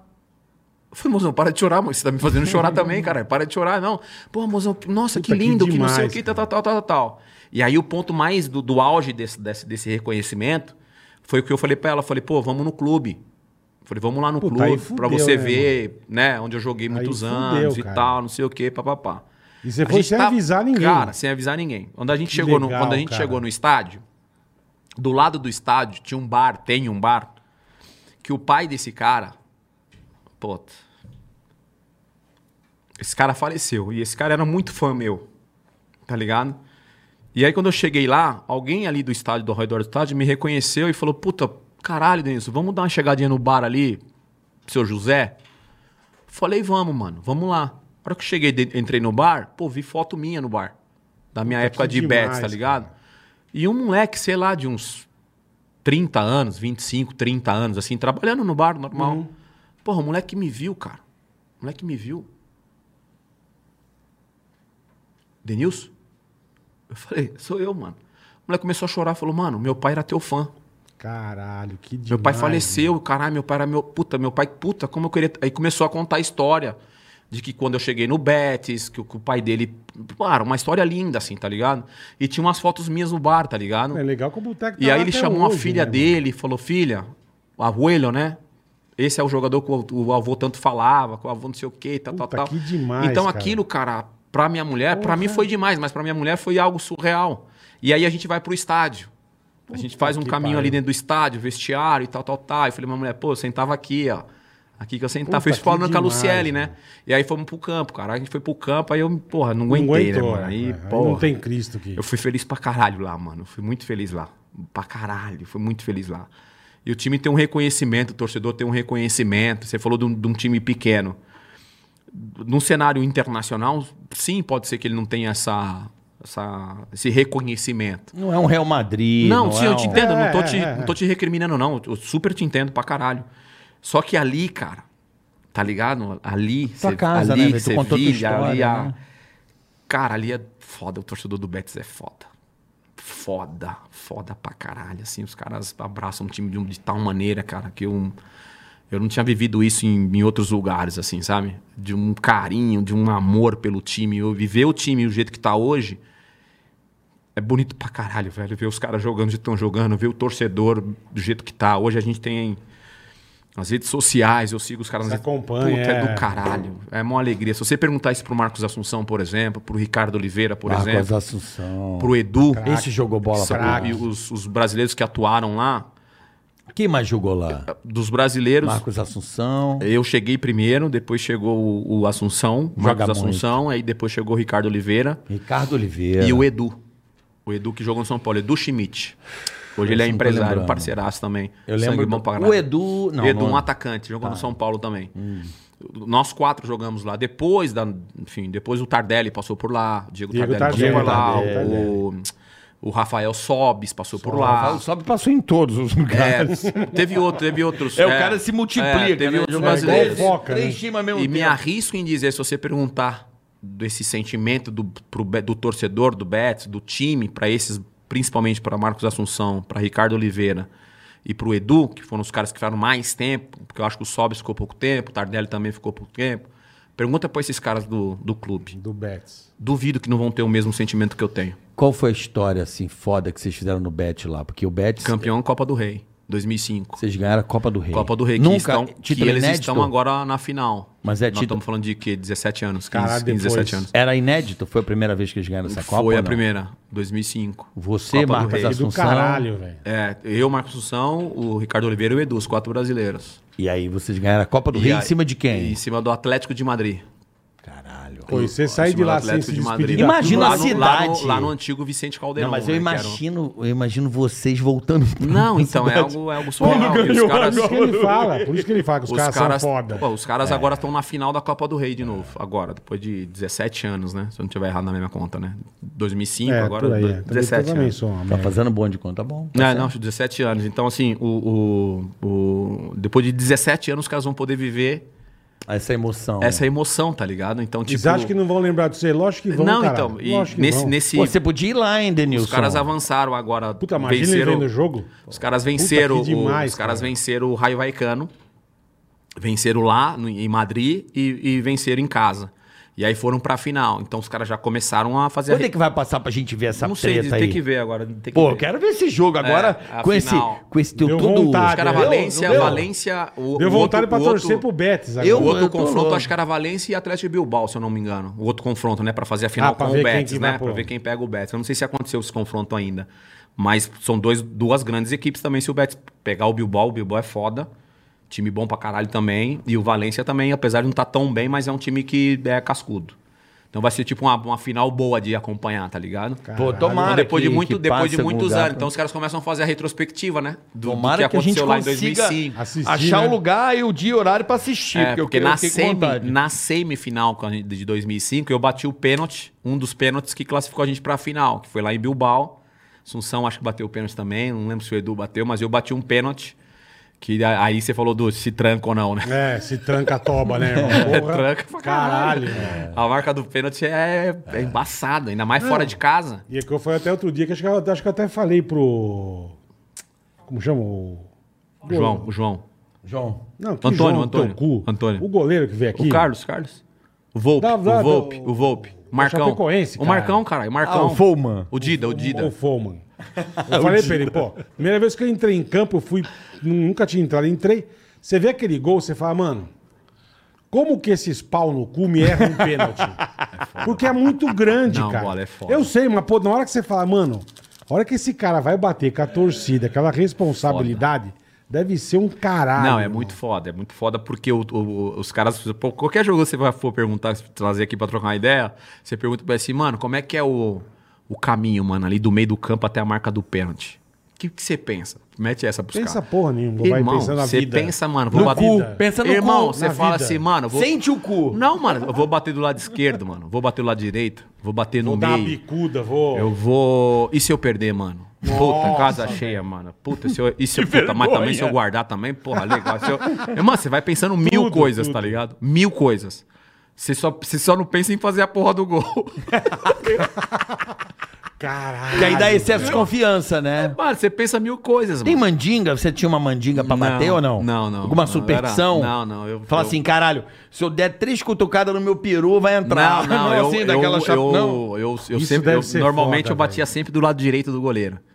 Tá. Eu, eu- normalmente eu sempre batia aqui, ó, que é o meu, o meu, a minha zona de conforto, minha segurança, era bater pênalti assim. Entendi. Porque o pênalti cruzado, qualquer movimento. Entrega. Errou. Não, qualquer posicionamento errado do seu corpo pra você bater cruzado. A bola vaza. Ou você isola ela, ou você chuta ela, porra, é foda. Muito pra fora. Então pede a. Mano, é- é- tem uma mecânica aí, né? Pede apoio. A mecânica do teu corpo, Tem no um caso. pé de apoio não tão perto da bola. Uhum. Porque se você bater aqui chapado, você pode botar o, pé- o, o, a- a- o pé de apoio mais próximo da bola. Você vai chapar, pum, você põe mais. Se for bater cruzado, você não pode botar o pé tão perto da bola.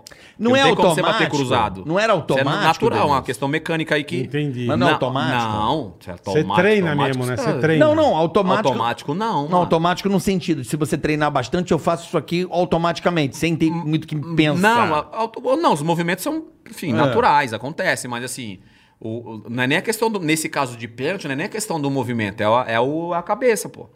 Se você tá num momento de segurança, que eu já bati pênalti também com, com moral e com segurança, e também já bati pênalti, mano, travado. E normalmente, às vezes que eu fui bater pênalti travado, eu errei. Entendi. Porque entra a minha dúvida, se eu vou bater onde eu vou, não sei o quê. Quando- eu vou dar um exemplo recente, recente. Acabou de acontecer agora um gol que o Scarpa fez agora de pênalti. Acho que foi contra o Guarani, se eu não me engano. Acho que foi Uhum. gente contra o narrou Guarani o agora. jogo, Narrou. é. Contra o Guarani. Isso. Aquele pênalti do Scarpa, aquele pênalti é de um cara que tá suave, bebê. Tranquilão. ali. É um pênalti do cara que fala, mano, eu sei onde eu vou bater É. e vai ser ali. Tô, Acabou. tô sossegado, tô tranquilo. Pode ver que ele é vai pra bola direto e chapa ela lá no ângulo. É, acabou. Firme. Então é o pênalti do cara que tá seguro. Entendeu? Mas ali era um jogo contra o Guarani, Mas tava isso 1 a não- 0 Não importa. Não importa Não, o não, jogo, tava 0x0 Denilson. ali. Tava 0 a 0 0 a 0. Tava 0 a 0 verdade. Zero a Não zero. importa o jogo, Que se foi é o uma pênalti que o cara final. chutou, chutou a cabeça do Mike lá. Isso, o cara dá a Dentro da área, bicuda. é. né? chutou a cabeça É. do Mike. Aí É tava voadora. 0x0. E o Guarani não tava mal naquele momento do Não, jogo. tá bem. verdade, Tá ligado? bem. Tava jogando bem. Tá bem. Tava. Dentro do, enfim, do propósito, estavam jogando bem. Mas não Aí tem, teve o mas- pênalti. Mas não tem final, jogo mais tranquilo, jogo mais. Tudo pênalti, tudo igual. Ou tipo, Não, numa final não, teu tem- cu trava não, mais. é mais. Ah, porra. A final é mais foda. Cobrança na final de Champions. Final mais foda. O, por exemplo, esse jogo do Guarani que eu tô falando aqui, que o Scarpa fez o gol, legal, mano. Ele é um jogo que, pô, Mas- mas ele três sabia o que pontos, ia o fazer, caralho. tá? é. Não é uma decisão. Sim. Não é um pênalti que você vai bater final de Decisão, ele vai Libertadores. Você né, bateu na Copa? Eu fui, então. 2002 você bateu pênalti? Não, não chegou. Você acorda, mano. 2002 bateu pênalti aonde, viado? Metemos 2x0 nos caras, cuzão. Não, eu sei, mas não teve que nenhuma pênalti? decisão de pênalti em oitavas, semi, Não, você nada. tá moscando as ideias, cara. É, Não, eu- não teve foi em noventa- nenhuma? Você tá falando de Tá- 98. tá informadão, é. Você tá falando de 98 na Tá sabendo semifinal legal. contra a Holanda. Porra, Que inferno. aí foi pros pênaltis, prorrogação e pênaltis. Esse é um detalhe. Você não bateu? Esse é um detalhe. 98, eu era o mais novo daquele time. Aham. Da Copa do Mundo. Eu era, uma, eu era um juvenil ali. Eu entrei em todos os jogos em 98. Eu sou jogador. Não sei se, essa, se tá ainda valendo isso aí. Tá valendo. Eu sou um jogador. Não, eu sou um jogador que mais atuou em Copas do Mundo saindo do banco de reserva. Eu joguei praticamente Caralho. Tá todos os jogos, eu entrei em todos os jogos. Saindo da reserva e entrando. Em 98 e em 2002, se eu não me engano, eu não entrei em dois jogos só. Ah. Em dois jogos só. Um ou, ou- um ou dois jogos só que eu não entrei em campo. Então tinha uma estatística aí falando de mim que eu era o jogador que mais atuou em Copas do Mundo saindo do banco de reserva. Nossa, que da hora isso, né? Nossa, Fraco, vou falar, cara. puta que pariu. bobagem, né, mano? Que bagulho É tão relevante que a gente nem lembra. Caralho, né, mano? Que bobagem isso, né? Ué, mas não deixa. Mas Não, é deixa- um dado. Mas não deixa de ser um Caralho. recorde, Foda-se. cara. É um Foda-se. dado, é um dado. Ah, tem não de- deixa de ser mas um tem recorde. detalhe, tem um detalhe aí que o foi. americano adora isso. Não, mas tem um detalhe aí que foi na Copa do Mundo, né? Sim. É Esse lógico. detalhezinho aí de Copa Só. do Mundo. É um Eu detalhezinho. lembro que a gente torcia pra você Merda, entrar. né? É um detalhezinho. Eu lembro que a gente torcia pra você entrar pra caralho, velho. Porque, Ah, então. porque você entrava, você dava aqueles puta drible que desconcertava os Entendeu? é negros. E E a gente, pô, o meu Danilo subiu. Danilo. Nesse jogo, também. nesse Denilson jogo, Neves, te amarra, Denilson nesse jogo da Neves. Holanda, nesse jogo da Holanda, os mais antigos vão lembrar, vocês vão lembrar, não sei, se vocês Eu não vou vão- Não sei se é, lembrar. o Carioca acho que acompanha mais Não, futebol. o cara- o Caraca lembrou Ele, legal. é, ele lembrou legal, É, 2002 foi é, pros é, pênaltis, foi, ele é legal foi. pra caralho. Não, Tá- não, não, lembrou Tá bastante. legal pra caralho. Ron- Foi- Quem fez o gol? foi- Ronaldo fez o gol? Quem foi? O eu vi Rivaldo? o- não, Quem eu- fez o gol? Sócrates. O Oliver Ronaldinho Kahn, Sócrates. Oliver Kahn O Oliver soltou, Kahn, Sócrates. Ronaldo empurrou. Ah. Corta a luz do Rivaldo. Aham. Ronaldo. Não, isso foi em 98. Não, senhor. Final de 2002. Tá fazendo igual a gente faz com o Corta a Silvio Luiz. luzinha, pá! Chapadinha O Silvio Luiz do tá lado ficando esquerdo louco, do velho. Oliver Kahn, Não, golaço do caralho. então, Ó, a gente faz isso com a o gente tava Silvio falando Luiz. de É que 90. às vezes, semifinal de Copa, eu não sou um cara muito de lembrar.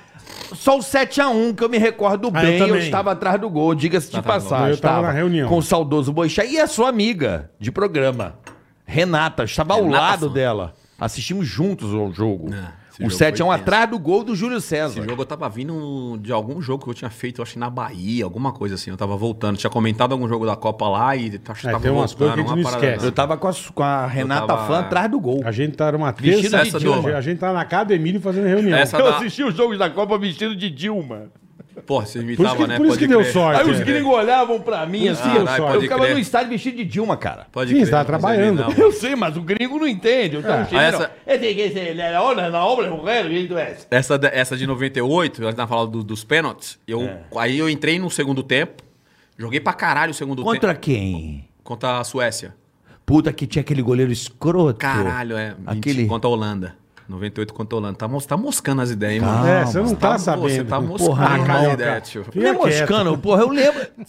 Eu lembro desse jogo. Então, semifinal contra a Dinamarca, que foi pros pênaltis contra a Dinamarca. Dinamarca não. Puta, tá Silvio Holanda. Luiz. Você tá igual o Silvio Não Luiz. lembro, porra, direito, cara. É muito jogo. Eu lembro da final lá, Tá. que o Ronaldo Contra passou mal. Iugoslávia. Não, eu lembro da Holanda. O goleiro escroto que o do- Tafarel vai que é sua, Tafarel, que fez a Pô, porra se, você da- lembra- não. se você não lembrasse do Tafarel, Do Tafarel, você tá zoando, cara, né, é. mano. Então, sai que é sua Tafarel. Olha, qualquer coisa que eu me lembro Então, bem. então, E o então, Marcão? então, nessa, nessa semifinal de, no- de 98 contra a Iugoslávia, que a gente foi pra. contra a Iugoslávia, afinal, O Marcos era o goleiro. o, Marco, o Marcão É, era. o Marcão. É, e o Dida entrou no segundo tempo. O Dida. E o Rogério Senna, terceiro Não, goleiro, essa- atuou naquele dia. Da fi- na semifinal, de Brasil e Holanda. Jogão. Puta jogo. A gente, eu entrei no, no- no segundo tempo. Eu entrei bem pra caralho. O jogo foi pra prorrogação. Lembrei do Joguei cara. bem pra caralho na Cara, que, prorrogação. rouba- que roubaram desvia da bola, né? Que o branco bate contra a Holanda. Esse Não, jogo. essa é 94. Você tá falando de um cara que eu ama- apagava um pau. Já virou uma Kluiver. zona. Que Kluiver. quase guardou de cabeça. Kluiver. Quase, quase guardou É. Jogava de pra Foi um puta caralho. jogo. Sidorf jogava naquela época. Kluivert. Sendey, os Que irmãos de jogada. Que pariu. Boer. Cara, um puta Lembra time de da Kluivert? Holanda. Kluivert? Um puta time da Holanda. Tinha Nem um puta lembro time de da Holanda. O é Sidorf eu lembro. Não, o Kluivert O você não Sidorf lembra. tava no jogo. Esse eu lembro. O, o goleiro era o Van der Sar. Van der Sar. Mano, tinha uns 3 metros E o Van der Sar. Kluiver eu Pegava amava. pra caralho. Esse cara jogava pra caralho. E aí, pô, prorrogação, joguei pra caralho. Segundo tempo, prorrogação, jogando pra caralho, não sei o que, vai pra pênalti. Pênalti. E aí o Zagallo falou assim, mano, quem quer bater? Eu falei, mano, eu quero bater, caralho. Você se ofereceu? É, falei, eu quero bater. Entrei bem pra caralho no jogo, tô falando esse negócio de confiança, quem tava falando Uhum. do Scarpa, que tava bem pra bater, né? Falei, eu tô zoei, porra, entrei bem pra caralho. Tô Mas, pô, Uhum, hum, pô, garantido. Ah, quem quer bater? Eu falei, ah, eu quero bater, pô. Tá bom, você vai ser um dos. Bater a ordem, faz- depois a gente faz a ordem, mas quem é que quer bater? Aí todo mundo, porra. E só nego velho, caralho. Só nego velho, mas só que era uma semi de Copa do Mundo, caralho. É. Ronaldo, Só nego velho. Rivaldo. Só nego velho. Eu não vou lembrar a ordem, mas o Emerson bateu o pênalti, o Dunga bateu o pênalti, o Ronaldo bateu. O Ronaldo acho que bateu o primeiro. Enfim. E eu, depois dessa parada do jogo, você fica ali perfilado no meio de campo e você fica, mano. O bagulho vai. A adrenalina, não sei te explicar. O bagulho vai meio que dar uma. Você vai começando, tipo, cara. Vai anestesiando e perdendo a perna. Não, você fica falando, mano, o cara bateu, caralho, pênalti, ah, o goleiro puta gol, nossa, ah, legal pra caralho, não sei o quê. Só que aí, mano, na- na terceira penalidade eu falei, mano, daqui a pouco sou eu. Fudeu, né, meu? Fudeu. Falei, mano, que merda que eu fiz, cara, de falar que eu queria Caralho, bater, tá velho. ligado? Bom, eu É, era o então, mais você novo ali do. ofereceu. da tu- Falei, como é que. Que merda que eu fiz, mano? Se- Mano, caralho, se eu errar essa porra. Mas quando você foi bater, como é que tá? Tava então, empatado. eu pensei aqui, falei, mano, e se eu errar essa porra? Fiquei pensando, ah, já começou a dar merda aí. Hum, Puta, Já dá merda. Aí eu falei, mano, isso é essa porra. No Brasil não vai pra final da Copa do Mundo, acabou minha carreira, caralho. Culpa tua, é. Culpa minha, É, é. acabou minha carreira. Falei, caralho, um puta erro meu ter pensado essa porra, né? Falei, caralho, isso é essa porra. O Brasil não vai pra final. Mano, caralho. Aí o Roberto, Carlos. Daqui a pouco é você, hein, mano. Filha da puta. Denilson. Daqui a pouco é você, caralho. eu falava, não, mano. Tô ligado. Demorou, sou- sou eu. Mano, eu tava já. Mano, na Espanha a gente fala corronado. Tipo, tremendo, com medo pra caralho. Eu tava já Usando cagado, já. fralda Tava já já. é. Mano, aí vem o Tafarel e garra dois. Aí Ué, tá você- Tá, Aí você. Agarra dois. Aí não- eu não chegou, eu não tive que bater. Ah, nem, nem chegou não tua chegou na minha vez, tá, assim. ligado? Tá. Então, Tafarel. Você ia ser o último, Tafarel. Denilson. Porra, Tafarel. Eu te amo, tá Tafarel. Obrigado. Porque isso é Tafarel. coisa que marca. Porque, cara. mano, É coisa que marca a vida do Se eu negro. ia fazer ou não, se eu ia fazer ou não, é outros 500, mas eu acho que eu ia errar. Você acha que você ia errar? Eu acho que eu ia errar, mano. Eu achei que o Romário ia Mano.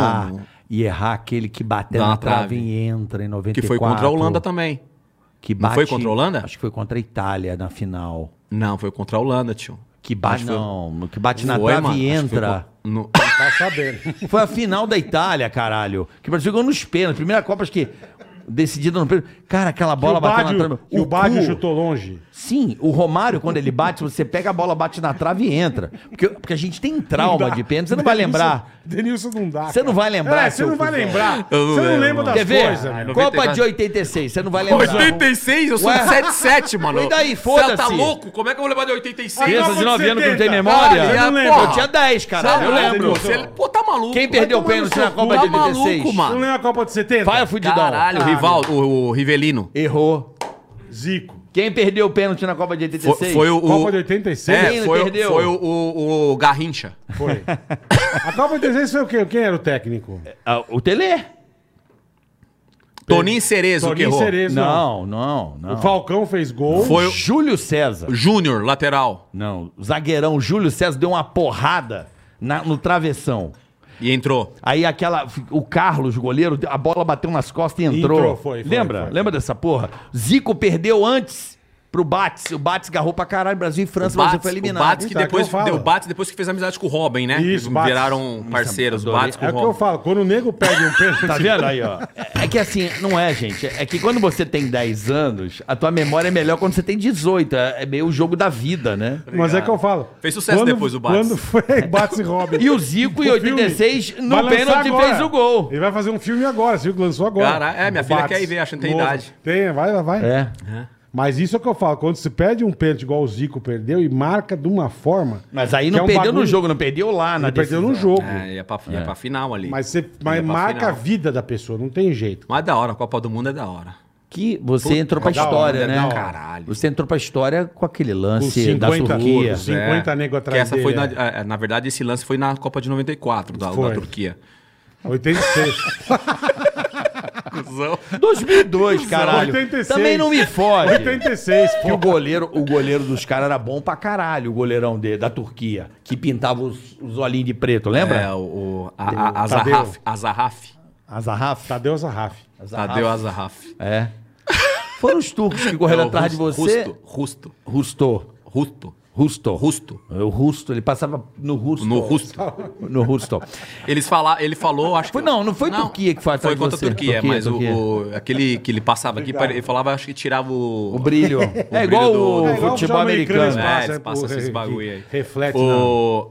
Minha filha. É, Então vamos falar daqui, ó. Vamos dar o recado, aproveitar Não, não agora quer? com a filha. Não, tem um Não, recado. pode falar com ela. Tem Fala com recado? ela. Fala pra dar uma soja pra ela. Oi, que é filha. bom. Fala um negócio Cadê muito... você, pai? É, o Puta, bagulho é toma- louco, tio. Você vai Fala, ver filha. o Batman? Cadê você? Você que vai vir buscar a gente hoje. Aonde? Na escola, tô Não, aqui até tô Ah, agora. não, tá até papai agora tá lá, trabalhando, meu. filha. Ô, minha filha, Acabou Milton às três, Neves. pai. Hã?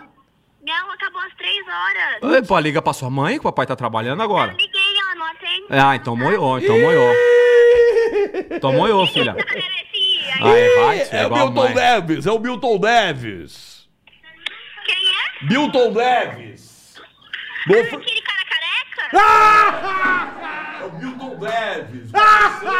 Quem que é o cara careca, filha? Quem que é, o careca? Tem um careca. Ah, não, ela tá falando que ela tá achando que é o Ronaldo Giovanelli, Não, o que Giovanni. é. trabalha com o papai. Não, não é ele um não, filha. Eu, é o Ronaldo. Quando nós vamos ver o Batman?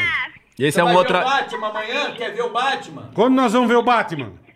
Fala pra ele ficar quieto. Ah. Ah! Aí é louco, é. Ei, filha. Pai, eu já Li- liguei, ela não atende. Tá, espera que ela tá chegando aí. Não, não tá chegando, eu já liguei, ela não atende. A tia Karen falou que é você que vai pegar a gente hoje. É. Então esperar que seis horas eu passo aí pra pegar você. Brinca aí. Seis horas. Acabou às três. Acabou às três? Acabou às três. Vai lá pro, gi- Acabou às três. vai lá pro ginásio lá jogar um futebol, fazer alguma coisa. Ah, Denilson, pelo amor de Deus. Adenilson. Caraca, é igual o pai, chama Fala, o pai filha. de Homer. Tá. Liga pra mamãe que eu vou mandar mensagem pra ela. Tá, Tchau, tá te bom. amo. Também te amo, tchau. Ai, meu careca lindo, meu xerém. Tchau, filha. Ah. Puta, brava, hein, meu? Igual a mãe, Denilson. filho. É igual a mãe, né? Brava, bicho. Igual a mãe, fala Cadê igual a mãe. você que não E veio me você, igual a buscar? mãe. E você falando aqui que, porra, filha, vai ver o jogo, fica com Fala essa igual a cara mãe, de fala babado. igual a Cadê? mãe. Cadê, cadê Essa você deita que em não mim. vem me Ela buscar? meu? deita, deita em mim. ela deita, Deita. né? Por que, que Caraca, elas deitam, né? velho. Puta que pariu. Vamos dar um recado aqui rapidinho, boletar? Vambora, vambora. Vamos falar de soja, aprosoja. A ProSoja Mato Grosso. meu E amigo, as curiosidades espetacular. da soja, boleta, que a rapaziada precisa saber. Onde é utilizada tanta soja, cara? Aí, nos alimentos. Rapaziada acha que é só no óleo. Não. Tem coisa Ah. pra caramba pra vocês entenderem. ó. Tem muita coisa que o so... a soja, por exemplo, na produção de carnes, produção de lim... produto de limpeza Ó leva que louco, soja. ó que louco. Tem Produtos mais. de beleza. Chocolate, É. temperos prontos, É isso massas, aí. papinhas infantis. Olha isso. Exatamente. Tinta pra impressão de jornais e revistas. Exatamente. Cosméticos como pomadas e cremes. A soja E tem é... mais coisa, carioca. É mais? Tem muito mais. Olha aí embaixo. Olha só, deixa eu ver Olha o aqui. tanto de coisa que tem. Combinação de vitaminas e minerais, fibras e proteína, meu Olha amigo. o que combate a soja pra você entender como a soja é boa, cara. Combate o colesterol, envelhecimento, contém cálcio e, além disso, possui isoflavona, que reduz os sintomas da TPM e da menopause. Já pode tomar, vó. Tá vendo? Gostou? Tomar um leitinho de soja. Viu? Olha, Vamos olha lá? o tanto que a soja é boa. O Brasil produziu 135 milhões de toneladas. Olha que maravilha. Ó, A ProSoja Mato Grosso aí. E, ó, e os caras dando no apoio. Mato Grosso, 40 milhões 40 milhões de de toneladas, toneladas. Ó só que no chique. Mato Grosso. Só no Mato Grosso. E chupam a humanidade, que é Aí, Tá o maior cara. produtor de soja do A planeta. ProSoja Mato Grosso. tá. É né? isso aí. A soja é boa pra tudo, cara. Produz... Você viu o tanto de coisa que usa soja. É, por isso que é um produto acha tão que é só importante. óleo de soja, por isso que é nada. tão- por isso que o É mundo inteiro quer a importantíssimo. soja brasileira, que além da alta É qualidade, alta importantíssimo. produtividade e o preço também do Brasil, que é sensacional, né, Boletar? Mandou bem. Quer saber mais onde é que acha as informações? Vamos lá, ProSoja MT, arroba ProSoja MT no Instagram. Certo. E nos canais do YouTube, a ProSoja MT, tá bom? É isso aí, rapaziada. Quer saber mais? Arroba AproSojaMT. Um abraço a todo mundo Já, já aí tamo do junto. Mato Grosso e em breve Ricardinho. estaremos aí em Sinop, Estaremos. lá pra conhecer Rapaziada toda. todo mundo, dá um abraço à galera. Vai ser muito legal. Tá certo? Ele já tá Valeu. cagando. O que, que foi? Sujou aí, pai? Não, mano, acho que é um conflito aqui. Um... Me chamaram pra fazer um evento aqui, mas acho que é conflito com o patrocinador. Dá uma olhada aqui pra mim, aqui, por favor. Olha, o E dinheiro aí, vê vem, nosso né? Ainda tá sócio. reclamando aí dos... Não, é, Nosso só sócio vai ver. vê aí, eu acho que é conflito aí com o É patrocinador conflito, que é eu tenho. conflito. Você tem patrocinador? Tem muito, Denilson? Pode falar. Quem te patrocina, Denilson? Queria saber. Vamos lá. Cara, começando pela sportsbet.io, Ah. é, Deu green! Adidas, deu green! sportsbet.io, Crona, é, Três Corações, Adidas, é, quem mais? Um Abraço Ricardinho? pro Ricardo Três Sdei. Corações, beijo, irmão, Adidas, Crona, Tubos Conexões, a... A... A Manco Hã? não é crona. não é. A Brahma. Brahma. Brama. Falando em Brahma. Brejinha. Mano do céu, tio. Bramosidade. é Final de semana os caras mandaram uns barros. É mesmo? É, pô, não manda Mandaram nada pra casa? Mano, é, da, um mano, chope, né, posso mano? falar, essa da Brahma tá demais. irmão. Bramosidade. Você tá louco, né? Tá demais, de verdade, né? Não é porque eu sou patrocinado, não, mas, mano, os caras acertaram, acertaram. Puro Maltes. Puta que pariu, mano. Jogo, chato. Não, demais. Hã? fiscal lá da corpo. Vocês querem Não, que a- achei que a avó mijou Vocês no meu querem? chá. Não, que lógico que não queremos. Vocês querem Eu não demais, sei nem né, o que é, mas a gente Brama, quer. Brama é chopinho. Quem mais, Ricardinho? Chopinho Brama. Colarinho Já falei. perfeito. Três Três corações, corações, Adidas. cafezinho. Hã?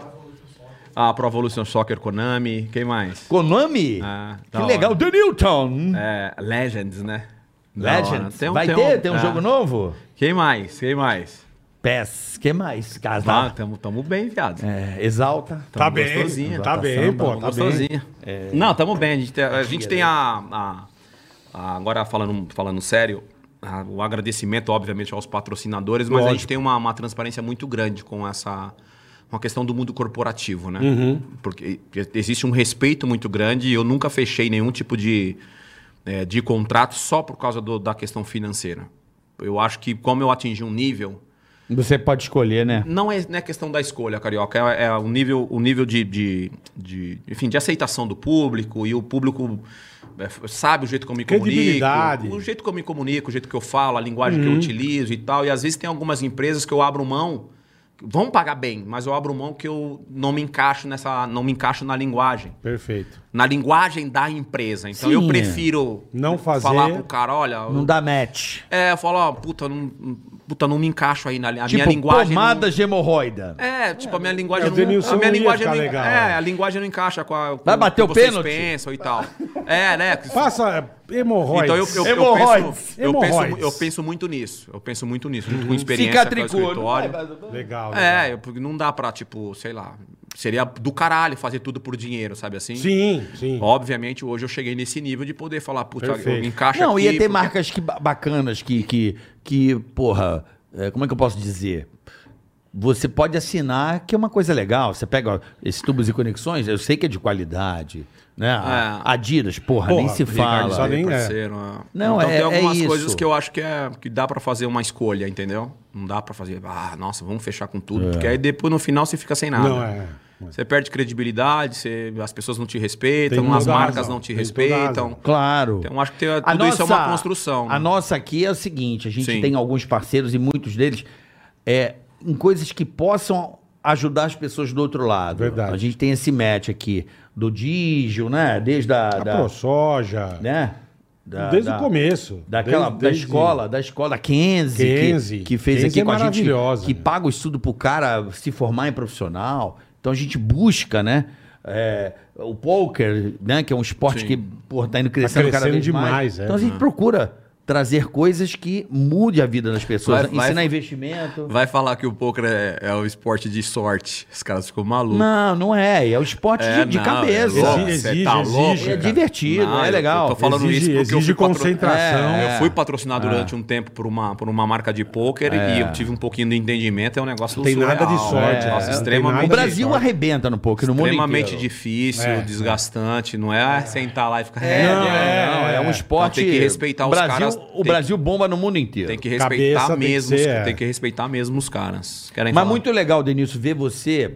Sim. É, pô, a gente te conhece, pô, convivemos Bastante. juntos na Band ali, um bom tempo, uns 5, 6 anos ali, encontrando quase que diariamente, né?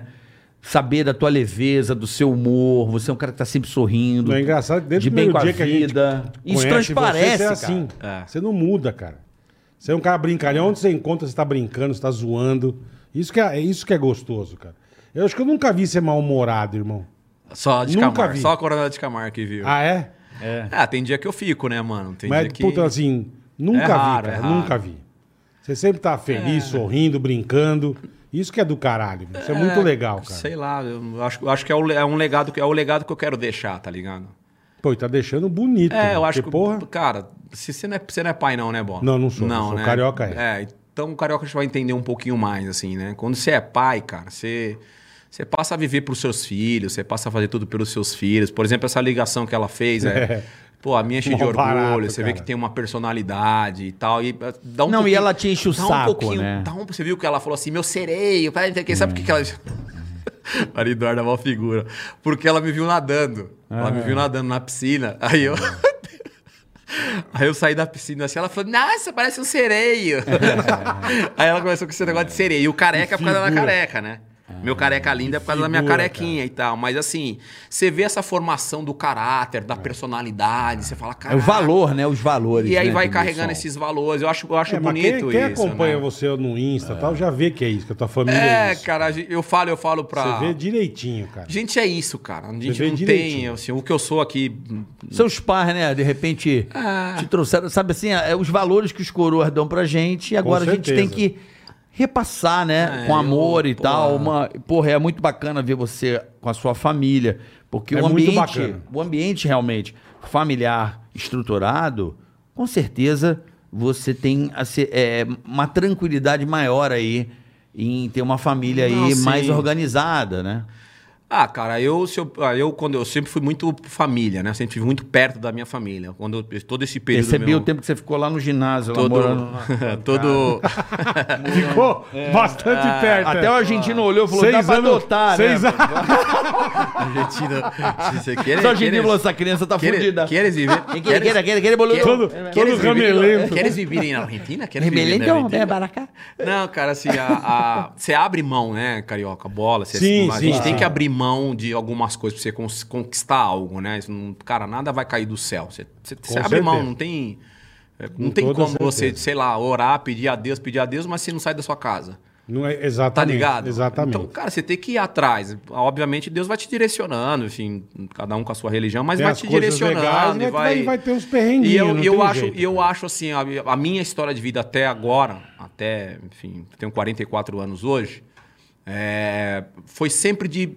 de to- todas as vezes que eu me senti enganado, por exemplo, foi por uma falta de conhecimento da minha parte. Mas não foi por uma maldade minha de querer atrasar o lado de ninguém. Eu- eu- às vezes eu fui enganado por causa de uma ingenuidade, um, Imaturidade também. imaturidade, agir com o coração. E aí você vai, você vai aprendendo. São lições da vida. Uhum. Ah, vai. São, são lições da vida. Isso é fato. Perfeito. Isso é fato. Perfeito. Mas eu me orgulho muito de que tudo que eu tenho hoje, tudo que eu conquistei hoje e que, se Deus quiser, vou conquistar, é sempre fazendo certo. Sempre correndo pelo certo, né? Tá Atrasar o passando a seu perna de lado, né? ninguém, Fazer é. isso, fazer aquilo. Vamos ganhar Sendo aqui porque vamos... desonesto. atirar- Tem não, toda eu a vou razão, fazendo o irmão. meu, assim. Às vezes demora. Às Tem vezes toda a demora. razão. Teve coisas que eu conquistei que eu achava que eu ia conquistar rápido. Caralho, tá foda pra ter isso. Tá foda pra conquistar isso, tá ligado? E você vai, você, você entra um pouco no desespero, na ansiedade e tal, É, mas aí a hora- é, vai verdade. passando o tempo você fala, puta, conquistei, mano, olha que da hora.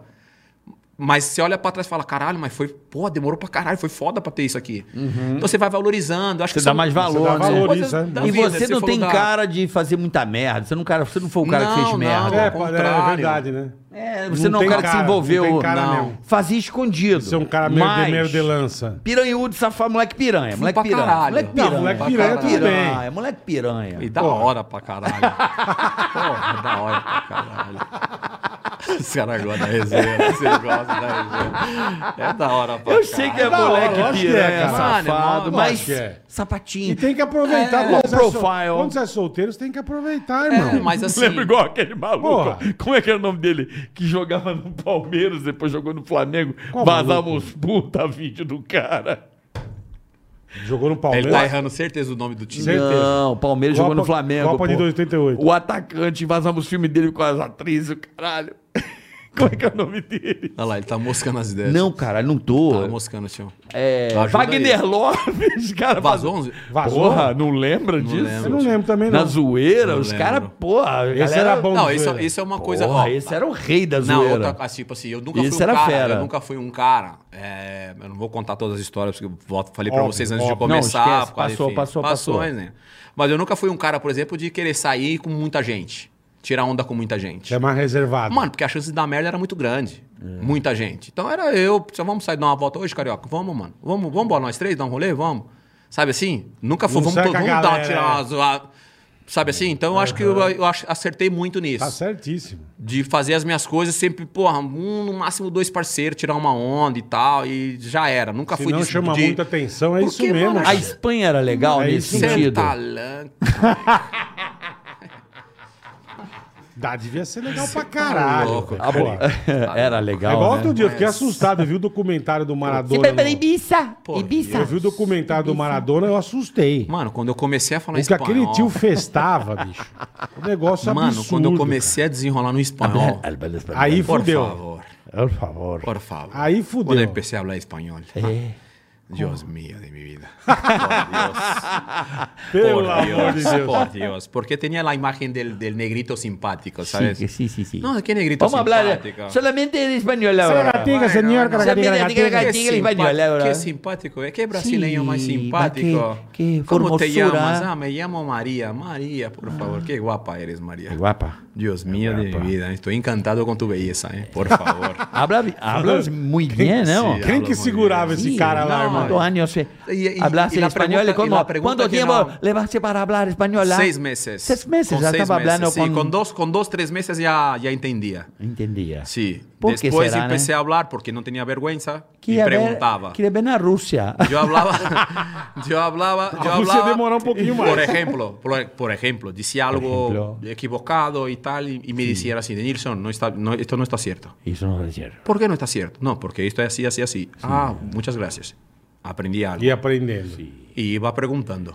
Quem é, é o melhor professor? El mejor profesor mío. Sí, sí. Bueno, he tenido unos.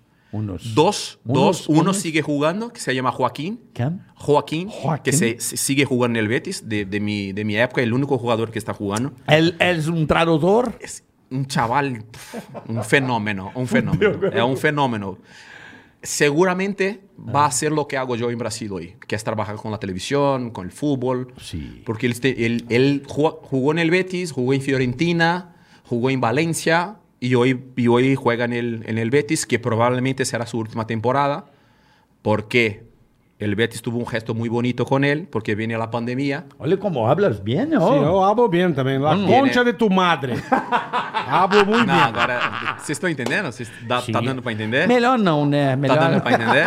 É, eu, Bueno. eu compreendo, mas acho vino que... la, la pandemia, que como se dice en España, la, La pandemia, pandemia. vino la pandemia y el Betis tenía la posibilidad de no renovar el contrato de Joaquín. É. Entonces el Betis lo ha dicho, mira Joaquín, no está bien que dejes el fútbol, eh, ¿no? Que te rubiles, Sí. que te aposente, aposenta, rubiles, Rubiles. que te rubiles, De jubilado. no estando de rubiles. delante, no estando delante de tu afición, no na frente da tua torcida, que é a torcida do Betis.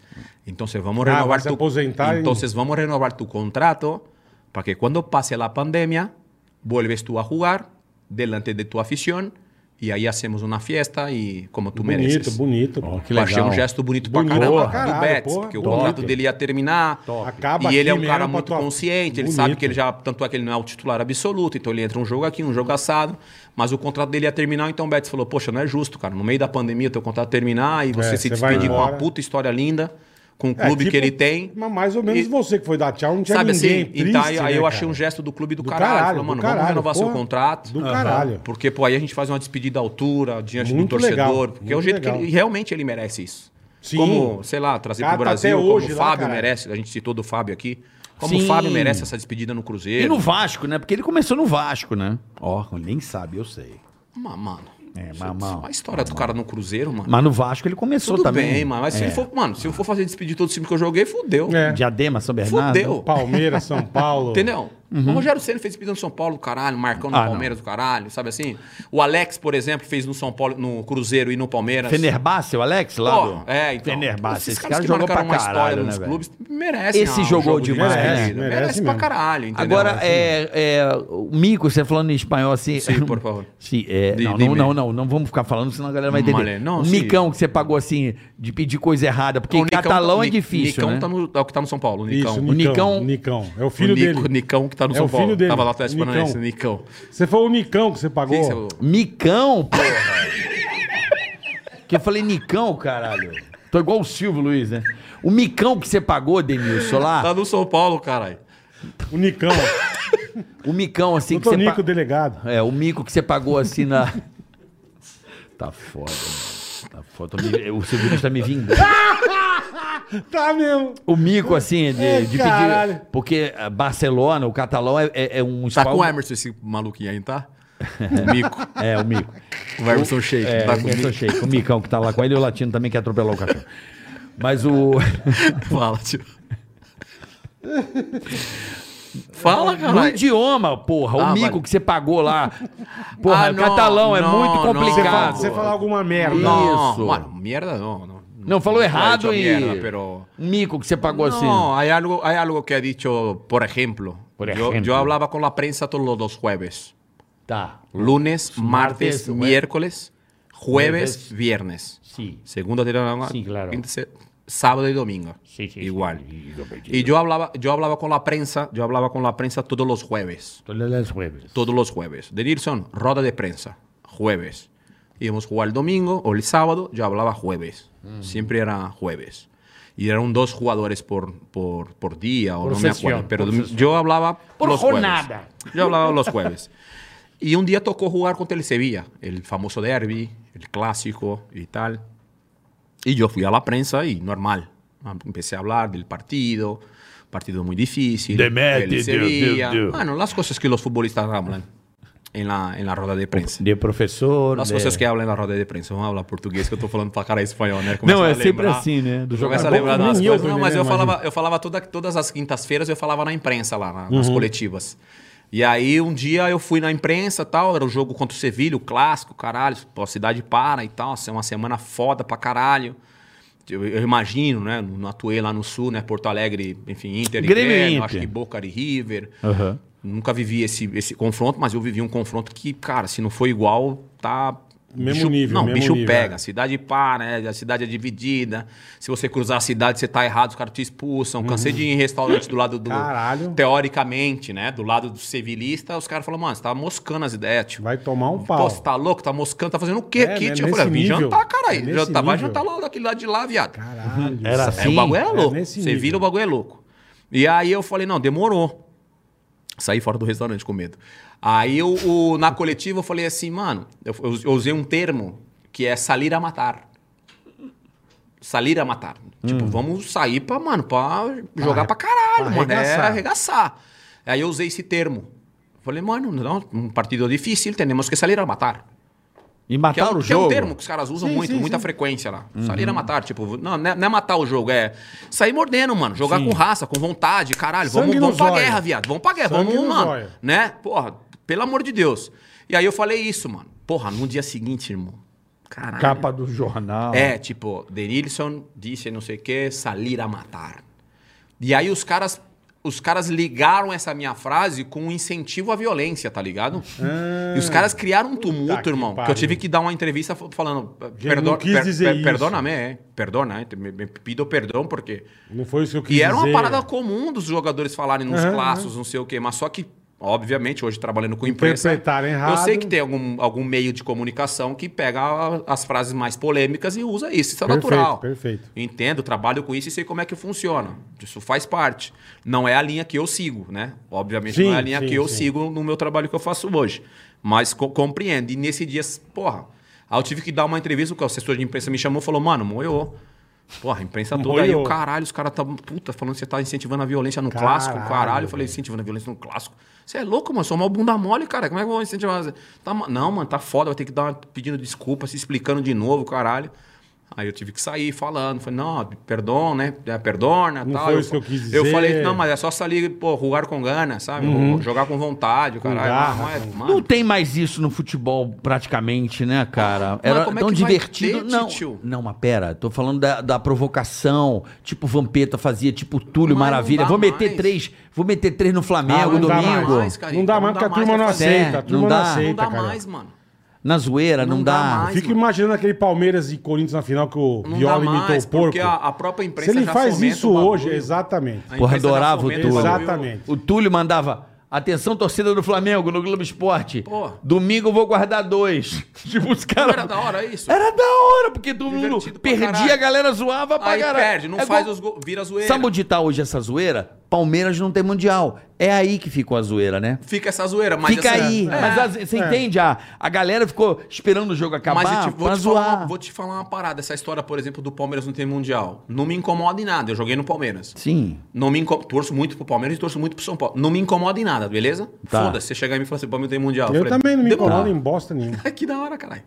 Não, mas, Tá ligado? é- mas isso é o gostoso do Tudo bem. futebol, caralho. Eu tô te falando Não, uma mas situação. Eu antigamente tô era falando uma diferente. situação. Eu tô falando uma situação que eu vivo e que Antigamente eu vejo. Os negócios eram mais Eu bravos. entendo. Uma situação que eu vivo e que eu vejo. Certo. Se você falar pra mim, Denilson, como f- várias vezes, o Palmeiras perdeu o Mundial, beleza? Uhum. Aham. Eu, tô entrando, no- eu tô entrando na Band, a, a primeira, a primeira pessoa que me encontrou falou assim: é, Palmeiras segue sem Mundial, hein, Denilson? Parece que eu joguei, tipo, parece que eu tinha voltado do Mundial jogando Aham. e dá vontade de responder. Fia, desculpa, fia, eu não jogo mais bola. Tipo. O teu programa é Mas galgado da hora. nisso com a Ah, Renata, tá, só que é cara. da hora. E eu, Ela e eu acho chora. da hora. Tem até um negócio do Neto nervoso na E eu banda tiro uma pra cá por onda. causa disso. que E eu os negros tiro uma- tiram eu sarro tiro uma dele. onda. Eu Eu falo, tiro- não jogo mais, É, pô. É. eu tiro uma onda, eu falo, da hora. Legal pra caralho. Papai. Eu tiro onda. É meu jeito de ser, não pego pilha. Eu tiro onda. Só que essa parada, pra algumas pessoas, tá virando ba- motivo de briga, velho. Pra caralho. Você falar isso pra um torcedor Hum. Pra palmeirense caralho. e vive o O nego bagulho. puxa a faca e te Mano, esfaqueia. teve uma imagem. É bom a gente. Você é tem toda legal, a é razão. óbvio que a gente brinca muito, mas tem Você coisa tem que a gente tem que toda a falar razão. sério também. Recentemente aí um cara pegou, um- bateu no moleque de 12, 13 anos, porque o moleque foi brincar com ele de que o Palmeiras não tem mundial. Foi isso mesmo. Um adulto pegou um moleque, bateu no moleque de 12, É. Sentou de na 11, 12 porrada. anos. É. E tem imagem, rodou imagem, tem, não tem muito tempo isso daí. Então Eu acho isso daí que é teve- chato. Eu acho que teve um caso que o cara matou a esposa, irmão. Essa eu não sei. É, eu vi, na, na- não teve um negócio desse? É, O cara- entendeu? Acho que a, ela foi tirar sal, o Palmeiras não tem mundial, caralho. O cara picou-lhe a facada. Então, assim. é- Mentira. é- Os mas é negros tão só. ne- é o que ele tá falando, os Porque negros tão essa é nesse por em nível. cima dessa brincadeira que você falou, ah, o Túlio, não sei o quê. Não dá mais pra fazer isso porque. É um Absurdo. gera- Exatamente. Tá Eu gerando acho- um bagulho. Mas você posso vai falar? brincar. Não tá gerando um bagulho da Isso hora, é divertido. O que você tá Zoeirinha. dizendo, na minha opinião, Entendeu? não você Não tá, tá sendo... zoeira. Não, olha só, não tá sendo você... é, a hipocrisia está na, na zoeira. Vou dar um Sim, exemplo. sim. Você tá falando isso aqui, que não, dá, não cabe mais. Sim. E eu vou rebater dizendo o seguinte, Sim. cabe pra caralho. Porque grupo de WhatsApp, quando perde os memes, são maravilhosos. Ah, mas grupo de WhatsApp você Ficou não tá- ali. Grupo de WhatsApp você não tá cara a cara, carioca. ah, mas foda-se. Mais ou menos, né? Às vezes o mau amigo manda pro amigo, É. é. Ah, dá mal merda. é verdade. Os áudios que vazam aí, né? Também tem isso, é. Você lembra do- Só não manda áudio. Também tem isso. Entendeu? Não, não, tá entendi ficando não. mais. Mas Entendi o, não. já, Mas é porque que já eu vazou falo. Ah. o áudio seu já? Claro que não. Hã? Já, já. Já vazou? Na Copa 86.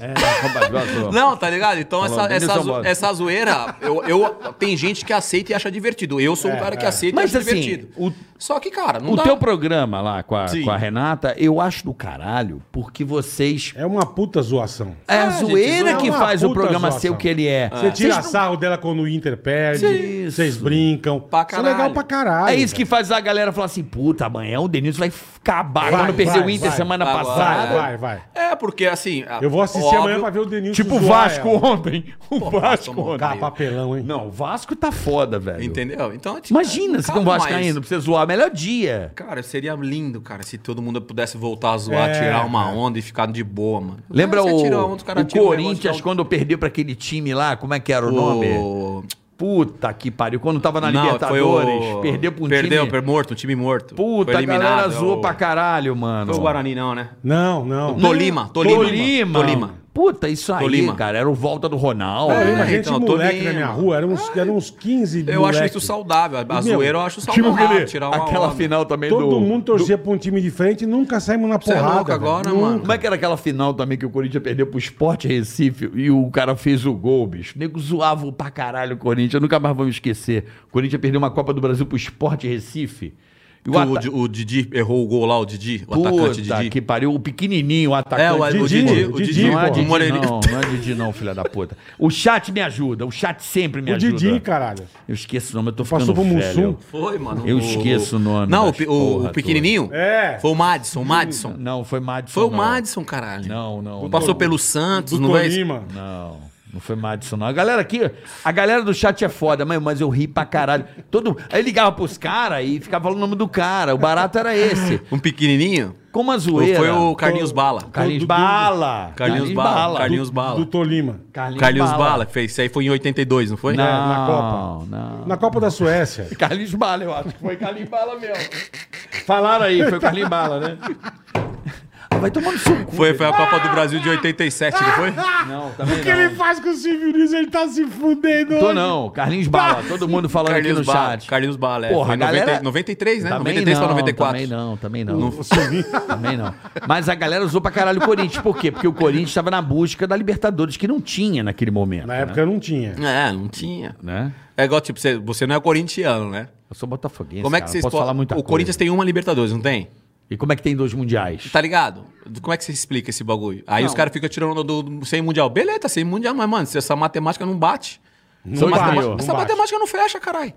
Historicamente, todo não, mundo teve mas que. a FIFA promoveu, é, a porra. FIFA, né? A FIFA pra caralho. Tem maior... A FIFA tem, pô, credibilidade pra caralho. A FIFA, é do promoveu, caralho. a promoveu a... A FIFA muda toda hora um bagulho. Toda hora Não, muda. já mudou o Mundial. Mas vem cá, né? di- dizem Toda que vai hora. ter, vai ter a mudança no Mundial, você tá sabendo? Não é uma viável.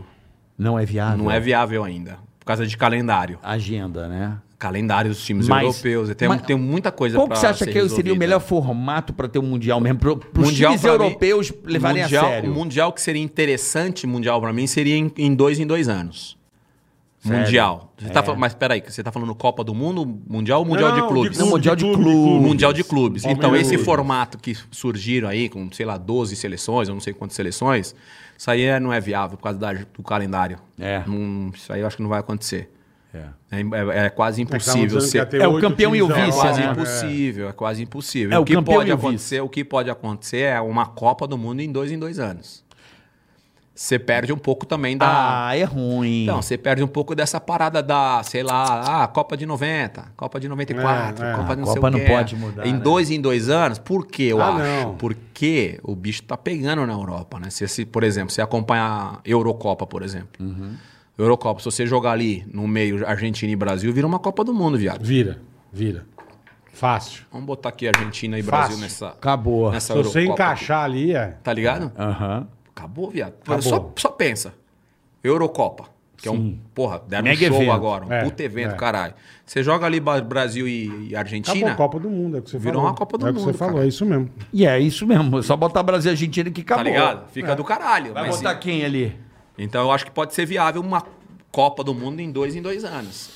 Aí eu acho que seria mais, enfim. Ah, eu acho que sim. Eu acho que perde um pouco do charme, perde um pouco dessas. Bicampeão dessa, mundial, Dessa zoeira né? de cada, a cada quatro anos. É. Eu acho que perde um pouco. assim. E a Não sei se Copa? eu E a estaria- Copa se esse eu ano? O que, ia que você gostar. acha aí desse time aí? Com. Pô, o cara voltou com o cara lá, porra. O Tite? Voltou com o cara Com que o tava. Paulinho, com o não, Paulinho. Tava no, na reserva. O Paulinho, Silvinho, coitado do Paulinho, Corinthians. é, Paulinho, Paulinho O Ribeiro. Sim. Silvinho. Paulinho Ribeiro. Porra, ele tá com Bom, puta. Não, ele tá botando os puta cara velho, mano.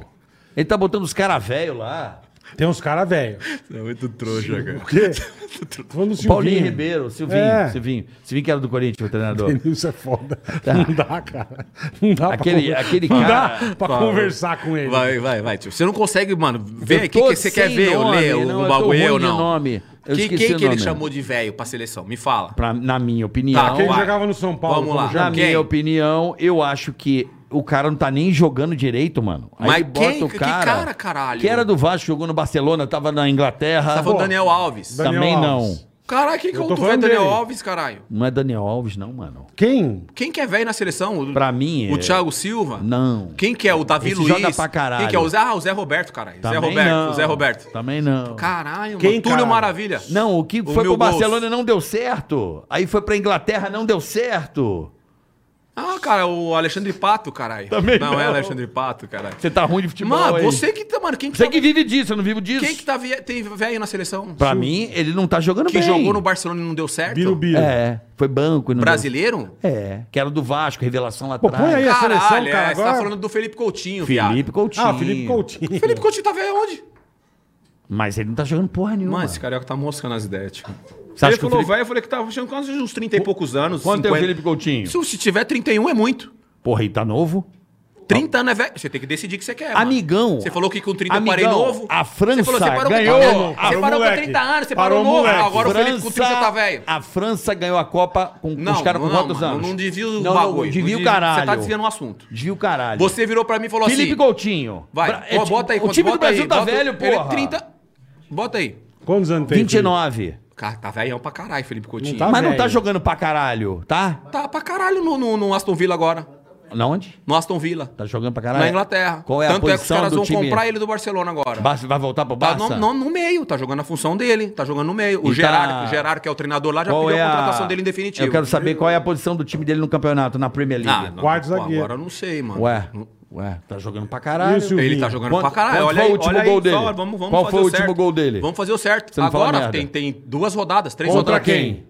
Ah, caralho. Você- Ué, Caralho. tá dando afirmando. Não, não foi fala, contra caralho. o Sevilha. Não foi contra Sevilha. o Sevilha. Fala aí, e mano. Nós não tá, a gente não tava falando de. de- E de- não é de- Sevilha de- porque é A gente Inglaterra. não tava falando de classificações de Inglaterra. Europa, e a gente Eurocopa. não tava. Então, A Se gente o tava cara falando. afirma que tá jogando pra caralho, Ele tem tá que jogando dizer pra caralho. Contra quem? Contra Ele tá jogando pra campeonato caralho. ele tem na Premier? Contra o, Liver, contra o Manchester, o Manchester United ele jogou pra caralho. E fez contra, quantos o gols? City ele jogou pra Contra caralho. o City. Contra quem? Silvinho.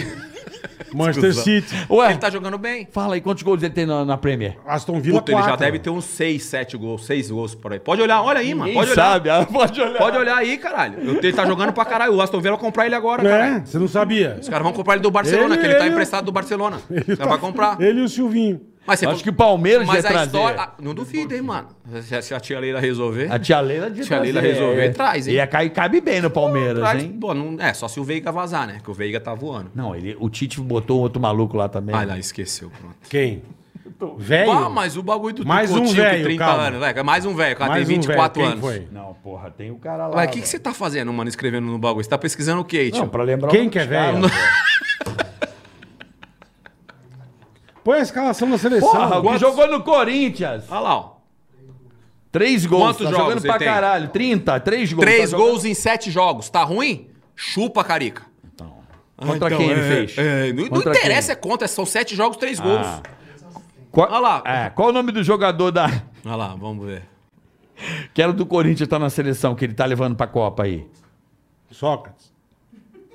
Na meia, o meia, caralho. O meia atacante O ali. meia. Dá- tá Não, ruim, Vampeta, calma, porra. Calma, calma, calma. O calma. Casca tá- Grossa ele tá levando. ele Jogou no último jogo. Você tá, você tá fora Não, do Não, calma é o aí. negócio. quiz do Denilson. Tô Tá fazendo bom, quiz. vamos, Fez pode na- fazer, mas fez calma, na- caralho. Tem na a- a- Copa de 50, 98. 50 caras na seleção. Você tá falando que jogou no Corinthians? Que hoje no tá na Corinthians. seleção? É. Que hoje tá na seleção? Sim. Que ele botou No meio de campo do Corinthians? É, na Copa de 98. Não, calma. No- hoje, ele tá jogando na seleção. Jogou no Corinthians. o meia. Jogou no Corinthians Hoje ele e joga hoje ele, tá onde? na, hoje ele tá na seleção brasileira. Que time que ele joga na Europa? Que time que ele jogou? Que time. É muito burro, cara. Cara mais velho, Você é mano. muito burro, cara. Cara mais velho que tá jogando na seleção. Mano, puta confusão. O Então- Thiago meu. Silva não jogou na- no, no Corinthians. O meia, Thiago Silva é meia? O Thiago Silva não jogou no Corinthians. é Thiago é O Um meia. O, me- o meio de campo, o meio de campo é o é o, o, Paulinho. ca- é o case- O Paulinho tá na seleção, você não vai falar isso. Você tá Não é- falando que o Paulinho não é- tá na seleção. Se é possível que você tá, você tá botou no Google e meteu o Não, Paulinho. cara, Não, não é o Paulinho. Paulinho. Casemiro, é que Case- jogou? Ah. Casemiro, Casemiro, o Fabinho que às vezes joga, Ah.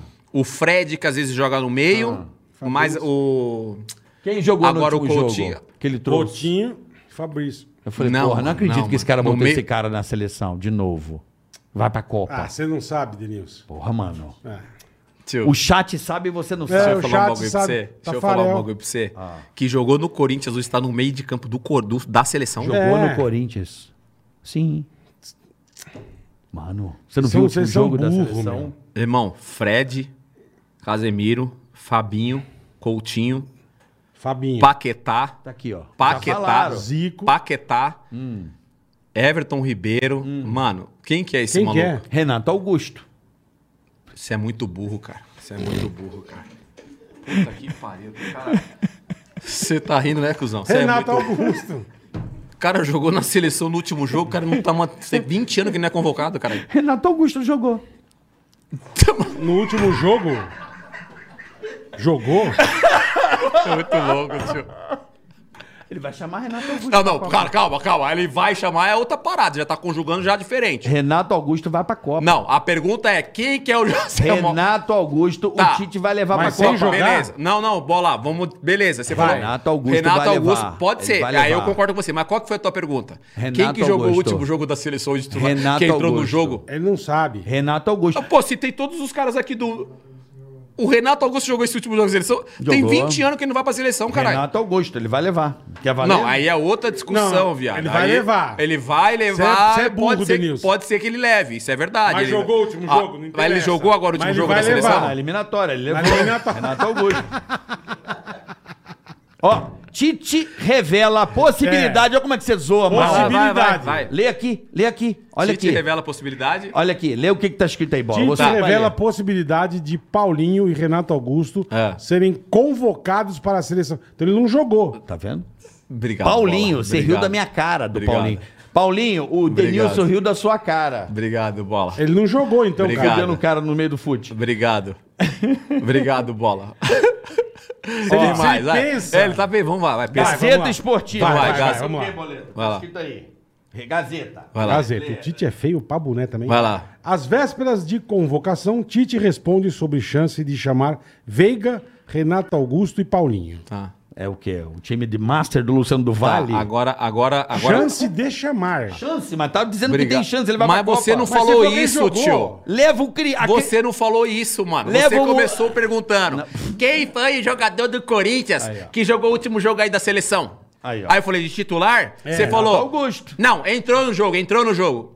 Outro do Flamengo, aquele lá Outro. que jogou. Outro do Flamengo. Outro Qual? casca Paquetá. grossa. Fala aí. Não. Não. Paquetá. Gabriel Jesus. O que jogava no Flamengo, jogava no Cruzeiro, jogava no Flamengo. Eu sou Everton péssimo. Ribeiro. Everton É. Ribeiro. Pra mim é um jogador já... Como Pa- chama? Mano, você tá muito louco, velho. Não jogou. Você tá muito louco. Eu tô Jogou, muito- Mano, jogou. tá falando de um bagulho, você Jogou. já passou pra outro bagulho. Você tá. Não, eu tô preocupado Ah, com, agora vamos com, ver o- que vocês- com a idade vocês do têm que time fazer um- brasileiro. Só Tá, isso. tá idade.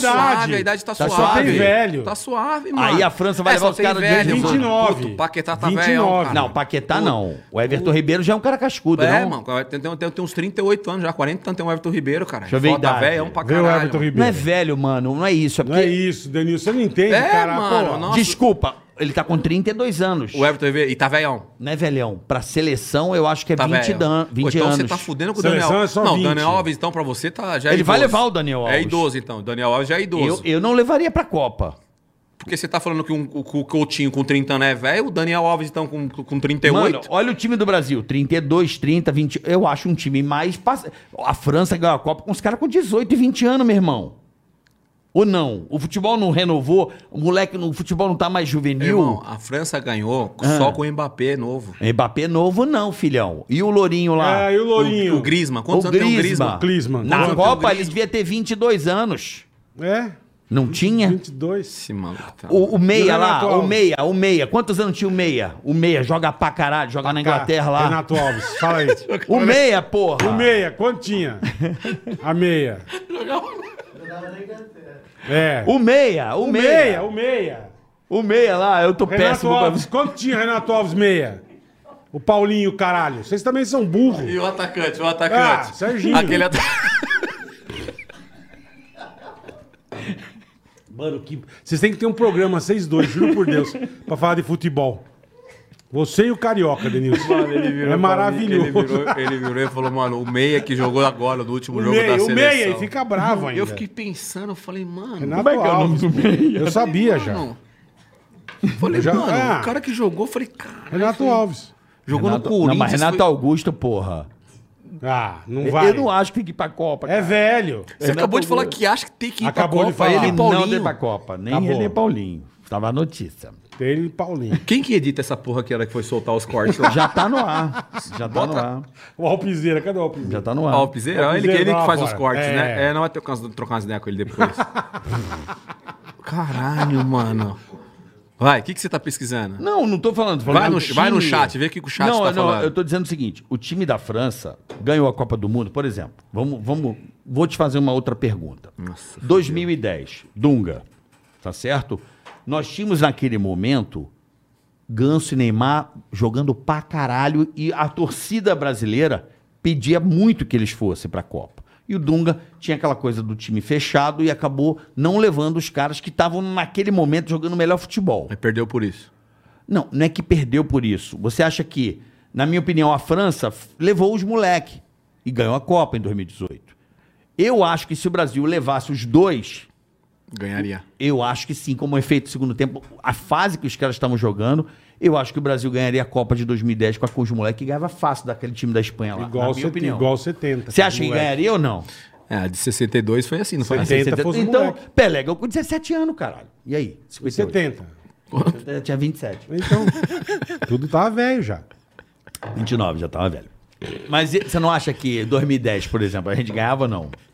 Com, com Ah, o toma no moleque. cu, caralho. Vai buscar tua filha na escola. Vai xingar ele. Ficou nervoso. Vai buscar tua filha, filha da puta. Os caras não acertaram Mano, nós uma. estamos em 22. Nós estamos em 22. Nós estamos Ele tá em falando de 22. Tá falando 2010. de 2010, tio. Caralho, velho. Ué, tamo É falando, a gente babinha. contou aqui, você chorou de 2002, que você E o jogou. Paulinho? Caralho, mano. Não, 2010. E o Paulinho? Você lembra do time 2010? Eu lembro muito vagamente, mano. Como é que você trabalha com futebol? Eu cara? lembro muito vagamente. Mas não é obrigado. a Seu lembrar. Milton né? Neves já falava, e o Dinguinha, O o 2010, Milton Fernandes, Neves o Gilberto." inventa, meu. Não, o, o- o Milton Neves é foda. Alicate, Ziro, Ziro, Ziro tá em todo Não, o Gilberto, 2010, sim. 2010 era o Felipe Robinho. Melo, Felipe Melo, Felipe Felipe Melo, Melo. Elano, não era? Isso, Robinho. Paulinho, Renato Alves. O Goleiro Júlio César. Michel, Michel Bastos? tá Michel Bastos. Você perguntar pra mim, Michel eu não Bastos, né? lembro a seleção do Michel último Bastos, eu ano. acho. Lateral Não direito. lembro, caralho. Catei, full. Lateral acho que era o Daniel Alves já. Daniel Alves. Daniel. Não, mas Ah, enfim, não é. perdemos a porra da Copa Rob- naquele Robinho- segundo tempo lá Robinho, contra a Era Holanda. Robinho, Luiz Fabiano. Isso, Luiz Ah, era Fabiano. Robinho, Luiz Fabiano. Tinha uma... é, Lembro, lembro mais ou Tadeu. menos. Então, mas imagina. Dun- é, Dunga, ó. Júlio César, goleiro, né? Júlio César, goleiro. Imagina Dunga. Ganso Imagina e o Neymar Ganso e ali. Neymar, nossa, eu acho é. que essa é do caralho. É, você você é divertido pra caralho. E a gente Mas perdeu não é a garantia de ganhar, mano. Mas não é questão de Não é ganhar. garantia de Você ganhar. não foi menino em 98 e entrou? Nossa, tinha eu de menino. Mas Ganso e Neymar Ah, é um mas- top não, demais. sim, Por mas quê? não é garantia Porque só de tinha ganhar. os velhos. Não é de garantia de ganhar, mano. Não era. Mas aumenta a chance, né, boneco? Aumentar a chance não é, não é. Seria legal vê-los jogando a Copa do Mundo, mas não é garantia de ganhar. Esquece esse bagulho de. O Vampeta, ele tem aquela máxima de que não quer que o Brasil ganhe mais pra ele ser o último campeão. Você Não é vai resenha saber. dele. É resenha? Cara, o Vampeta. Vampeta é Vampeta o maravilhoso. cara- cara. é, o Vampeta é um dos caras mais. Para, tá Vamos louco. trazer o Vampeta aqui, bola? Posso Estamos falar? querendo É um desde o dos começo. caras mais, mais coração. Aí você fala, assim. Vampeta não dá é pra do trazer caralho. porque o Vampeta não tem horário. Vampeta é do caralho, mano. Vampeta é do caralho. Chama ele aí, o Ele Vampeta. fala na zoeira. ele Vampeta é fala na zoeira. maravilhoso. Ele fala na zoeira, pô. O último que eu fiz com ele, eu fiz mesa redonda. Não, do Fábio Vampeta é Prado do com ele. caralho, cara a gente sangue bom zoando pra no ar, caralho. cara. Puta, o é engraçado. Vampeta é maravilhoso. E outra, assim, ele, ele lembra, de- ele lembra, você falou assim, pô, você trabalha com futebol, eu não lembro. Realmente eu não lembro. Agora o Vampeta lembra de tudo, mano. O Vampeta lembra de histórias de 2002 que eu falo, caralho, Como mano, que você não lembra, lembro né, desse irmão? bagulho não, Caralho. mano. Mano, ele jogava ele lembra muita de bola, tudo. esse E ele maluco jogava aí. muito. O Vampeta é do caralho. eu Caralho, adoro ele. volantão Gente boa, Eu absurdo, né? adoro meu? ele, gente boa pra Gente caralho. boníssima. Sangue bom, Vampeta- coração bom. Vampeta era o rei da Ajuda, antecipação. ajuda uma galera. O cara é um puta de um coração. Quem viu o Vampeta assim, só falando de zoeiro, caralho. O Vampeta é do caralho. Moleca é do Aí umas caralho. putas Vocês sabem pra balada já É com umas ele? putas O histórias. Vampeta? Vixe, já várias, caralho. Você é louco, cara. Estamos ouvindo o papo do Ronaldo? Eu e o Vampeta? Nossa, já fiz. A gente Isso é já pô, fazia maravilhoso. um balada pra caralho. A gente ia muito no Terra Brasil, ali na Vila Maria, ali. Pagodão responsa. Pagodão responsa. Ixi, é louco, pai. Ali era muito ele, era, louco. ele era fera, o Vampeta. Ele é muito louco, já entrava ali na lateralzinha ali, pegava fila, pegava nada, hein? Encostava. Ixi, Camarotezinho já tava gritando. hein? ele é figuraça. Que Já época, tomou o segundo amarelo que pra sair à época. noite, pra não Hã? viajar com não, o time? já, né? tu- Pra já, sair já, pra- forcei o, já forcei o terceiro na Europa, pra vou- passar o Natal aqui e o Ano Novo. Porque, mano, tem uma história que o Assunção me salvou. Já chamou o Assunção pra vir aqui? Ainda não. É, É, Ainda ele vai contar umas histórias, mas vocês não acreditam, não. Tudo resenha. Mentira. Tá bom. Tudo é. resenha. Sempre, Falou. é eu que defendia ele. Ele É. que fica contando ao contrário. Eu que sempre defendi ele. Aí ele falou assim, é o- era o cara, Vitor Fernandes, acho que era o nome do treinador.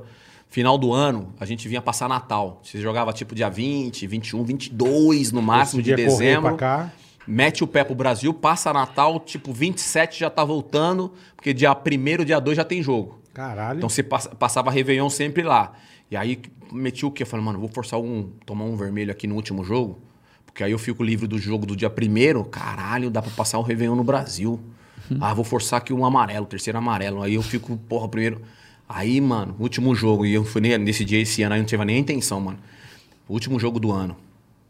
Acho que foi contra o Saragossa, não é algum em casa. Quanto ok? Hã? Tio. Eu acho que era contra o Saragossa, eu não Paulinho, lembro o adversário. Valença, Paulinho, É, Paulinho, aí Paulinho, pô, Paulinho. jogando pra caralho, jogando pra caralho, Paulinho jogando tava? tal, não sei o quê. Mano, comecei a amassar, mano, amassar. Puta, ia pedalar, caralho. tá. Mano, mal no jogo pra caralho, mal. Mal pra caralho no jogo, mal. E o Assunção deitando, capitão, caralho, pá, fazendo o time jogar. Dava a bola em mim, pô, eu amassava. E ele, pá, pá, deitando no jogo. Aí eu acho que eu fui expulso nesse jogo. Alguma merda que eu fiz, eu fui expulso. Aí vou pro vestiário depois do jogo. Assunção guardou de falta, caralho, deitou o brasileiro, deitou. Aí vamos pro vestiário. Chegando no vestiário, o treinador falou pra mim assim, mano, você não vai pro Brasil mais não, tio. Nossa. Então, Puta irresponsabilidade, o caralho. Tá ligado? Jogou mal, expulso, merda que você caralho. fez, Falei, é. Que merda, o cara não vai pro Brasil não, vai ficar aí treinando. Falei, não, mister, tá louco, mano. Preciso ir pro Brasil, cara. Eu tô aqui seis meses, mano. Preciso ir lá, e, pô. Natal. Dá uma pô, é. respirada, caralho. Um, ô, cinco, seis dias no Brasil, na, é, eu dar uma respirada legal. Foi preciso ir pro Brasil, caralho. Falou, não, não, não, não, não, não, não, não. Não vai, mano. Aí eu já saí do vestiário, mano. Porra, puto. Aí o Assunção Grandão fez o jogo, pô, jogou pra caralho. Eu falei, João, chega aí. Preciso trocar umas ideias com você. Ele deu um vestiário, já quase não toma banho. Eu falei, João, chega aí, trocar umas ideias com você. Ele fala, mano. Eu falei, mano, vai lá falar com o treinador, mano. Ele O falou, cara "Vê." quer me fuder. Eu Falei, né? não vai lá falar com o treinador que ele não quer deixar eu ir pro Brasil, mano. Vai lá trocar as ideias com ele, você jogou pra caralho, viado. Vai lá trocar umas ideias com ele. Não, mano, vou não. Você fez merda, não vou não. vou. Sussol. Sussol, não, não vou não, mano. Falei, ô, João. Caralho, mano, nós tá junto, nós tá junto, caralho. Vai lá, vamos trocar umas ideias lá, mano. Ele falou, vamos junto. Eu falei, não, se eu for, vai morar, É, caralho. não. Vai só você, caralho. Se eu for, vai, mano, vai dar merda, mano. Ele falou, não, vamos junto, caralho. Vamos lá, João. Eu Falei, mano, vai dar ruim, se eu for, vai dar ruim, mano. Vamos lá. Então, você quer ir pro Brasil? Eu Falei, quero, caralho, quero ir pro Brasil. Então vamos lá, caralho. Foi, então vamos, vai, mano, vamos. Aí eu fui, ele aí entrou Assunção, todo machão, cara. Aí eu, aí eu atrás, né, mano? Miguezinho. Aí sentamos o caralho. Falou, mister, seguinte. É. o Denilson- o Denilson falou que não, o senhor tinha autorizado ele pro Brasil, caralho, tal, tal, tal. Sim, sim, Assunção, é verdade, tal, tal. Tá liberado, você tá liberado. Mas o Denilson não vai, não.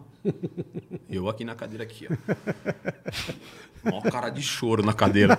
Mó cara de choro. Que eu falei, mano, eu vou chorar porque esse treino eu vou ficar com dó, tá ligado? Aí ela fala, não, não, não, não, Denilson, você pode ir, pode ir. Aí eu fiquei quietinho na cadeira aqui com o maior cara de choro, mano. Aí a Assunção falou assim, não, mister, isso não tá certo. A Assunção foi, isso não tá certo. Pô, estamos aqui trabalhando seis meses, caralho, família longe, não sei o quê, tá- tá- isso não tá certo, pô. Pô, ou vai nós dois, eu, não, eu também não vou, pô. Eu não vou.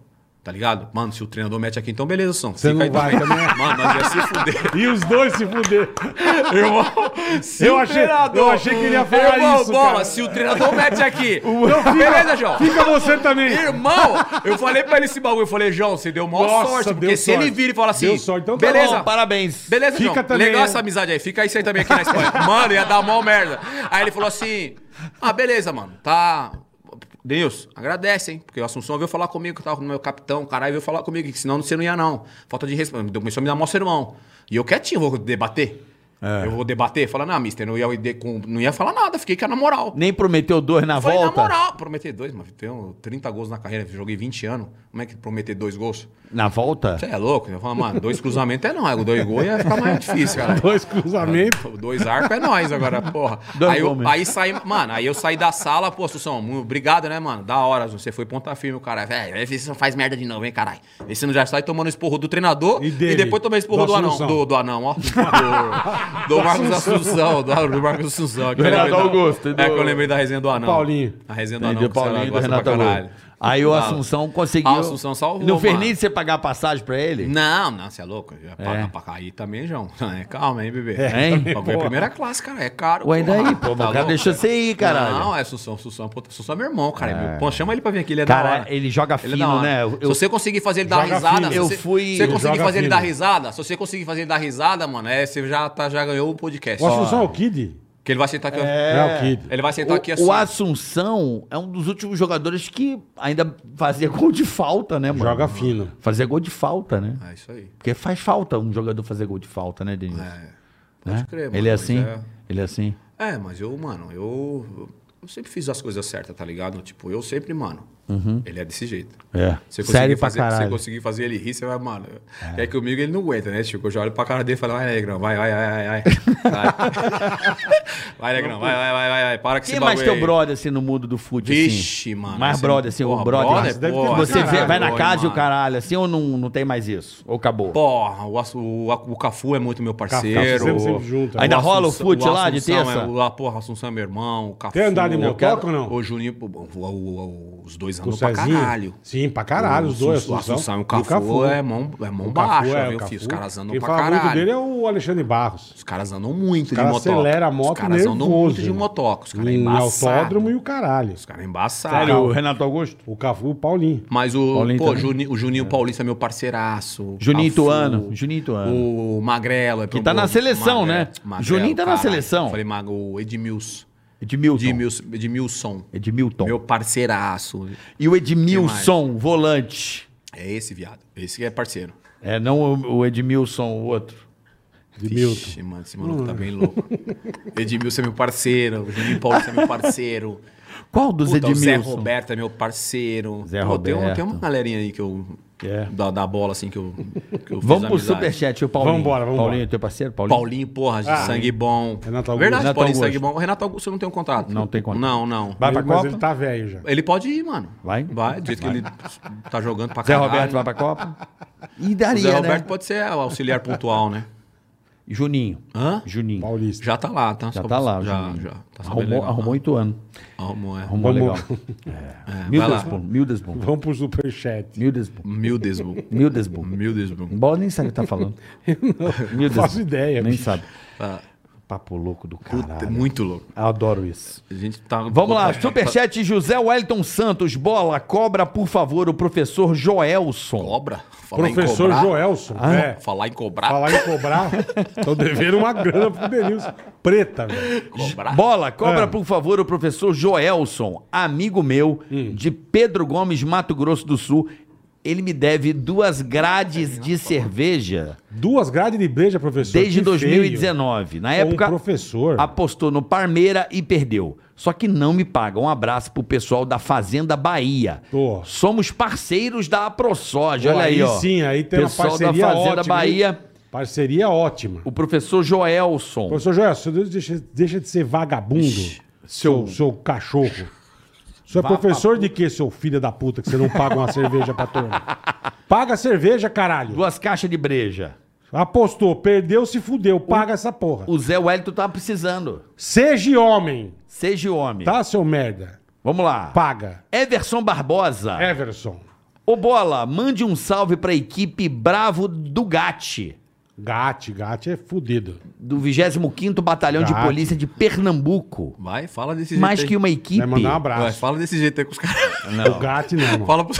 Res- respeite a polícia. Respeita a polícia. Respeite a polícia. Com o gato não se brinca. Mais que uma Dá mais com o equipe, gato. uma família bravo. Só quem é, sabe. Gatti Brasil, É gato da onde que eu esqueci? do 25º Batalhão da Polícia de Pernambuco. Abraço pra polícia de Pernambuco, pessoal do Everson. gato, um abraço, valeu, tudo de bom. É isso, é o pessoal da polícia. Um abraço aos pernambucanos, esse estado tão maravilhoso do Brasil. Rapaziada bem treinada. Certo? Certo. Luiz Felipe Bola e Carioca, manda um feliz aniversário pra minha esposa.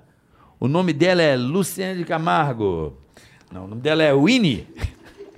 Avisa pra ela tirar minha É fantasia do Batman pra fora e me esperar, porque a chibata vai estralar. Eita, é hoje, hein, amiga? Tirar muita água do poço hoje. Como é que ela chama? O nome dela é Winnie. Luiz Felipe tá louco. Ela chama o Winnie. É Winnie. Winnie Pegs. Parabéns, Winnie, tudo de bom pra você. Hoje você vai aguentar a tora, filha, se Hoje prepara. o Luiz Felipe vai chegar Muitos de parabéns, Batman. feliz aniversário, vai chegar de Batman. O Rony, Batman Rony. É, Batman Holmes. Com a chibata estralando. Se prepara, e- Winnie, se prepara. E Ronson Ronson. Prepara que hoje vai cantar o Ronson e Ronson. Você sabe a história do Ronson e Ronson ou não? O Cadu que...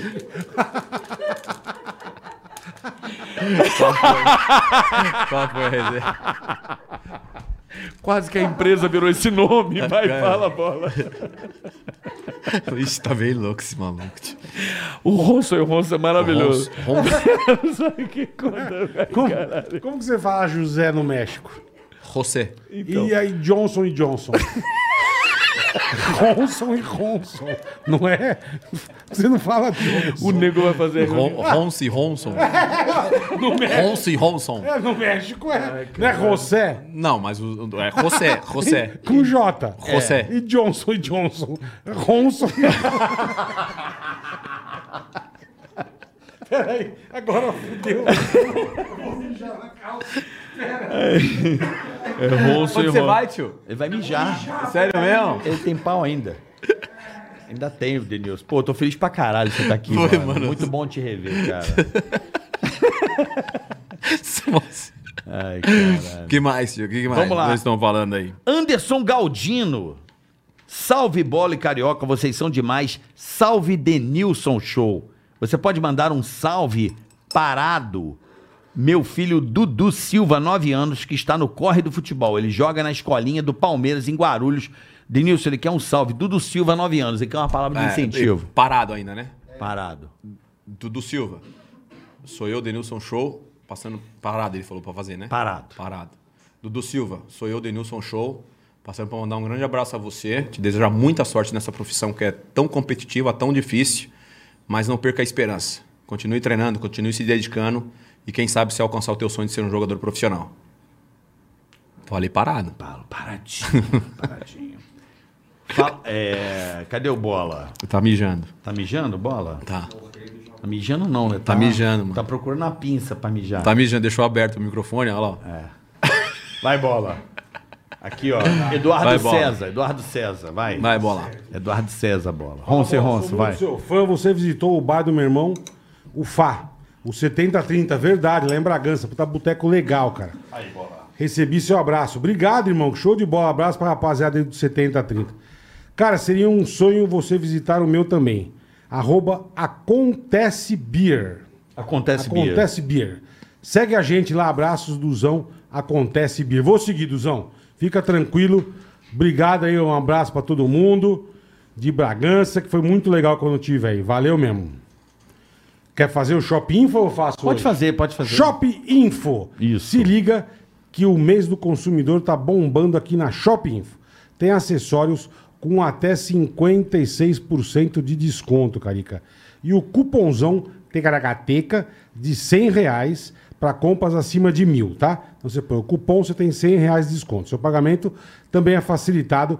Parcelamos os pedidos em até 24 vezes no boleto e aceitamos todos os cartões de crédito, inclusive o Digio. E o frete é grátis para todo o Brasil. De grátis. Suba de nível, meu amigo. shopinfo.com.br, tá Um bom? abraço aí, pessoal. Valeu, do Shopping rapaziada. Info. Vocês são demais. Nossos parceiros. Autoescola Sud Menuche Ferraz. Olha.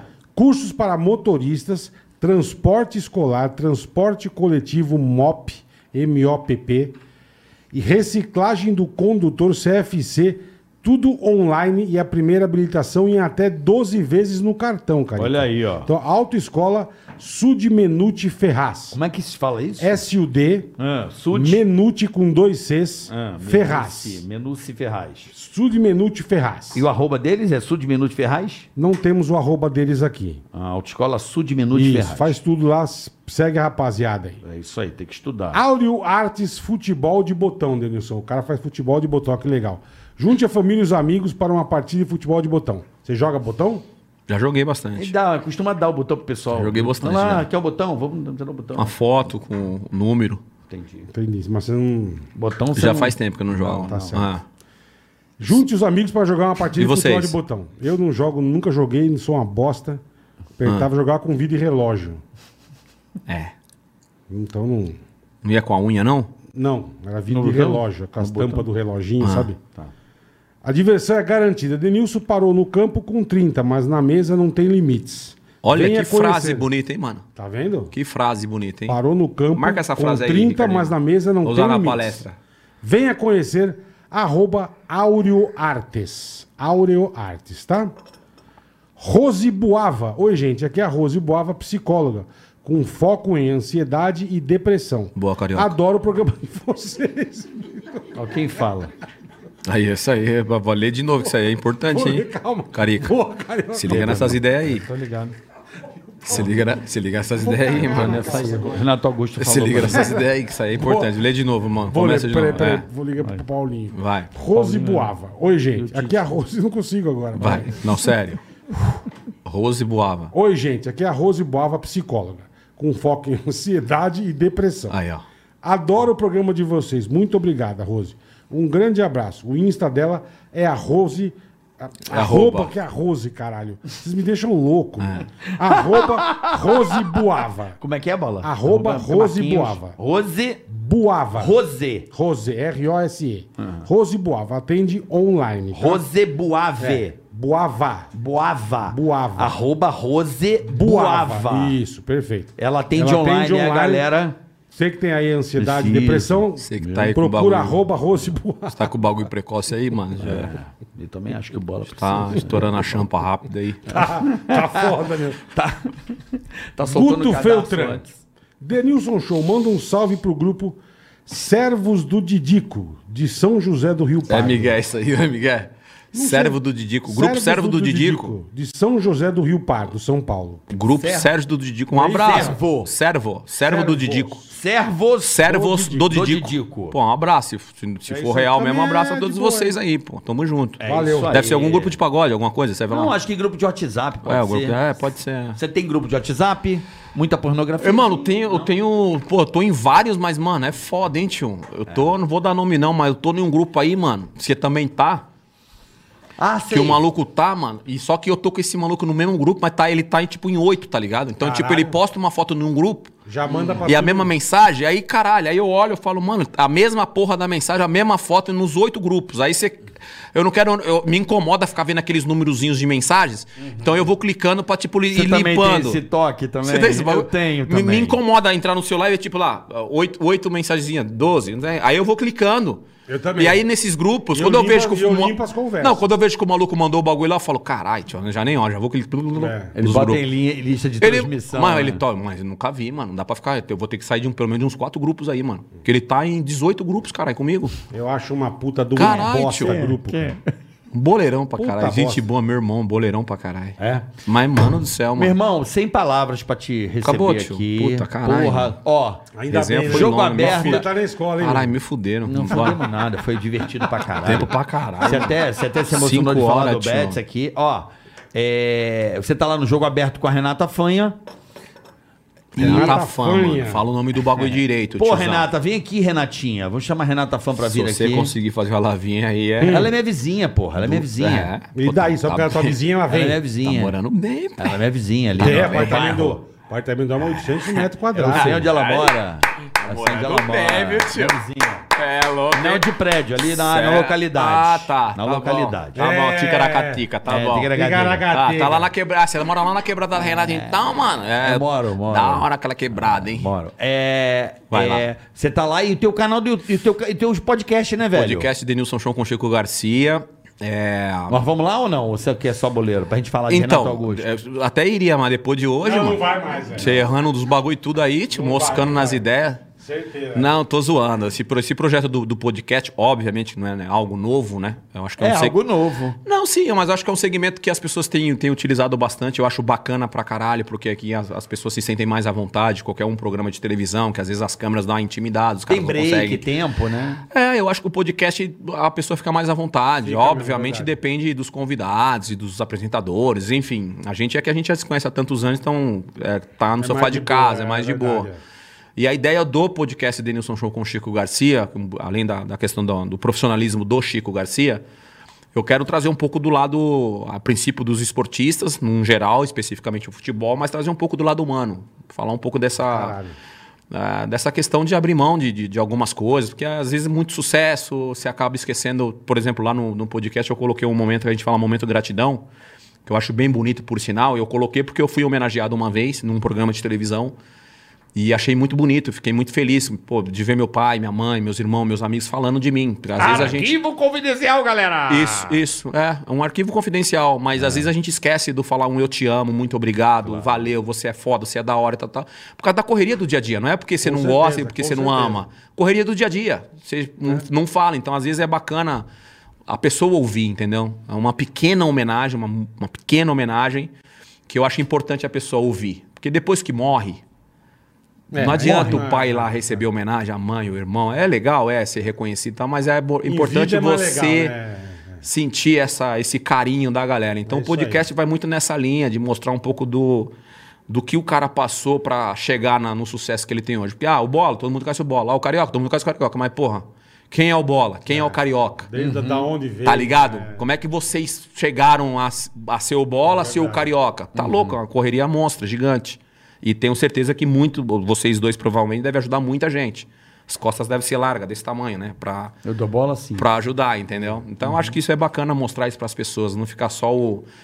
O, o Renato o- o- Augusto e o não, Paulinho. É. só o, o personagem, tá ligado? Fica só sim, o personagem, sim, sim, entendeu? sim. Pô, Muito atrás legal. do personagem tem um puta- uma puta de uma história de superação. Legal, Eu acho que é isso é bacana. legal. Cara, fazia além das tempo que eu não te palestras, via. além das palestras. Então, Sinto muita falta de te encontrar no estacionamento. Show, de obrigado. Eles trocar trocavam uma ideia, né? Eles É. Porra, trocavam uma ideia. Sinto falta disso. Dessa Ah. convivência, assim como você falou. No futebol você sentia falta mais da galera Daquela da zoeira. Coisa zoeira. no vestiário, é. Bom te É ver pra bacana, caralho. imagina. Manda um beijo pra tua esposa, pra tua, tua família linda e Obrigado, maravilhosa. Obrigado, cara. Obrigado, valeu, Wilson. valeu, Eu tô Boleta. Eu tô muito feliz e obrigado por ter vindo aqui. Imagina, era E pra eu ter conte- vindo antes, tá? Desculpa. Não, de tá boa. suave. Mas não deu. E, a- e conte com a gente, né, Boleta? O dia que você quiser, Se precisar. pra gente resenha, falar, chamar o Renato Augusto, eu fico lá Quiser, do lado. Vai ser uma Avacalhar boa. lá. Não, vai ser, vai, vai, vai ser um prazer receber vocês lá no O dia que podcast. você Quer quiser. É, avacalhar lá, a gente vai. Vai ser muito legal. Ah, Estaremos lá pra Marca falar. aí, Ricardinho. Pra falar. Mas marca, mano, mais lá pro final. É, ó. dezembro. Marca em dezembro. Até pra esquecer um pouco.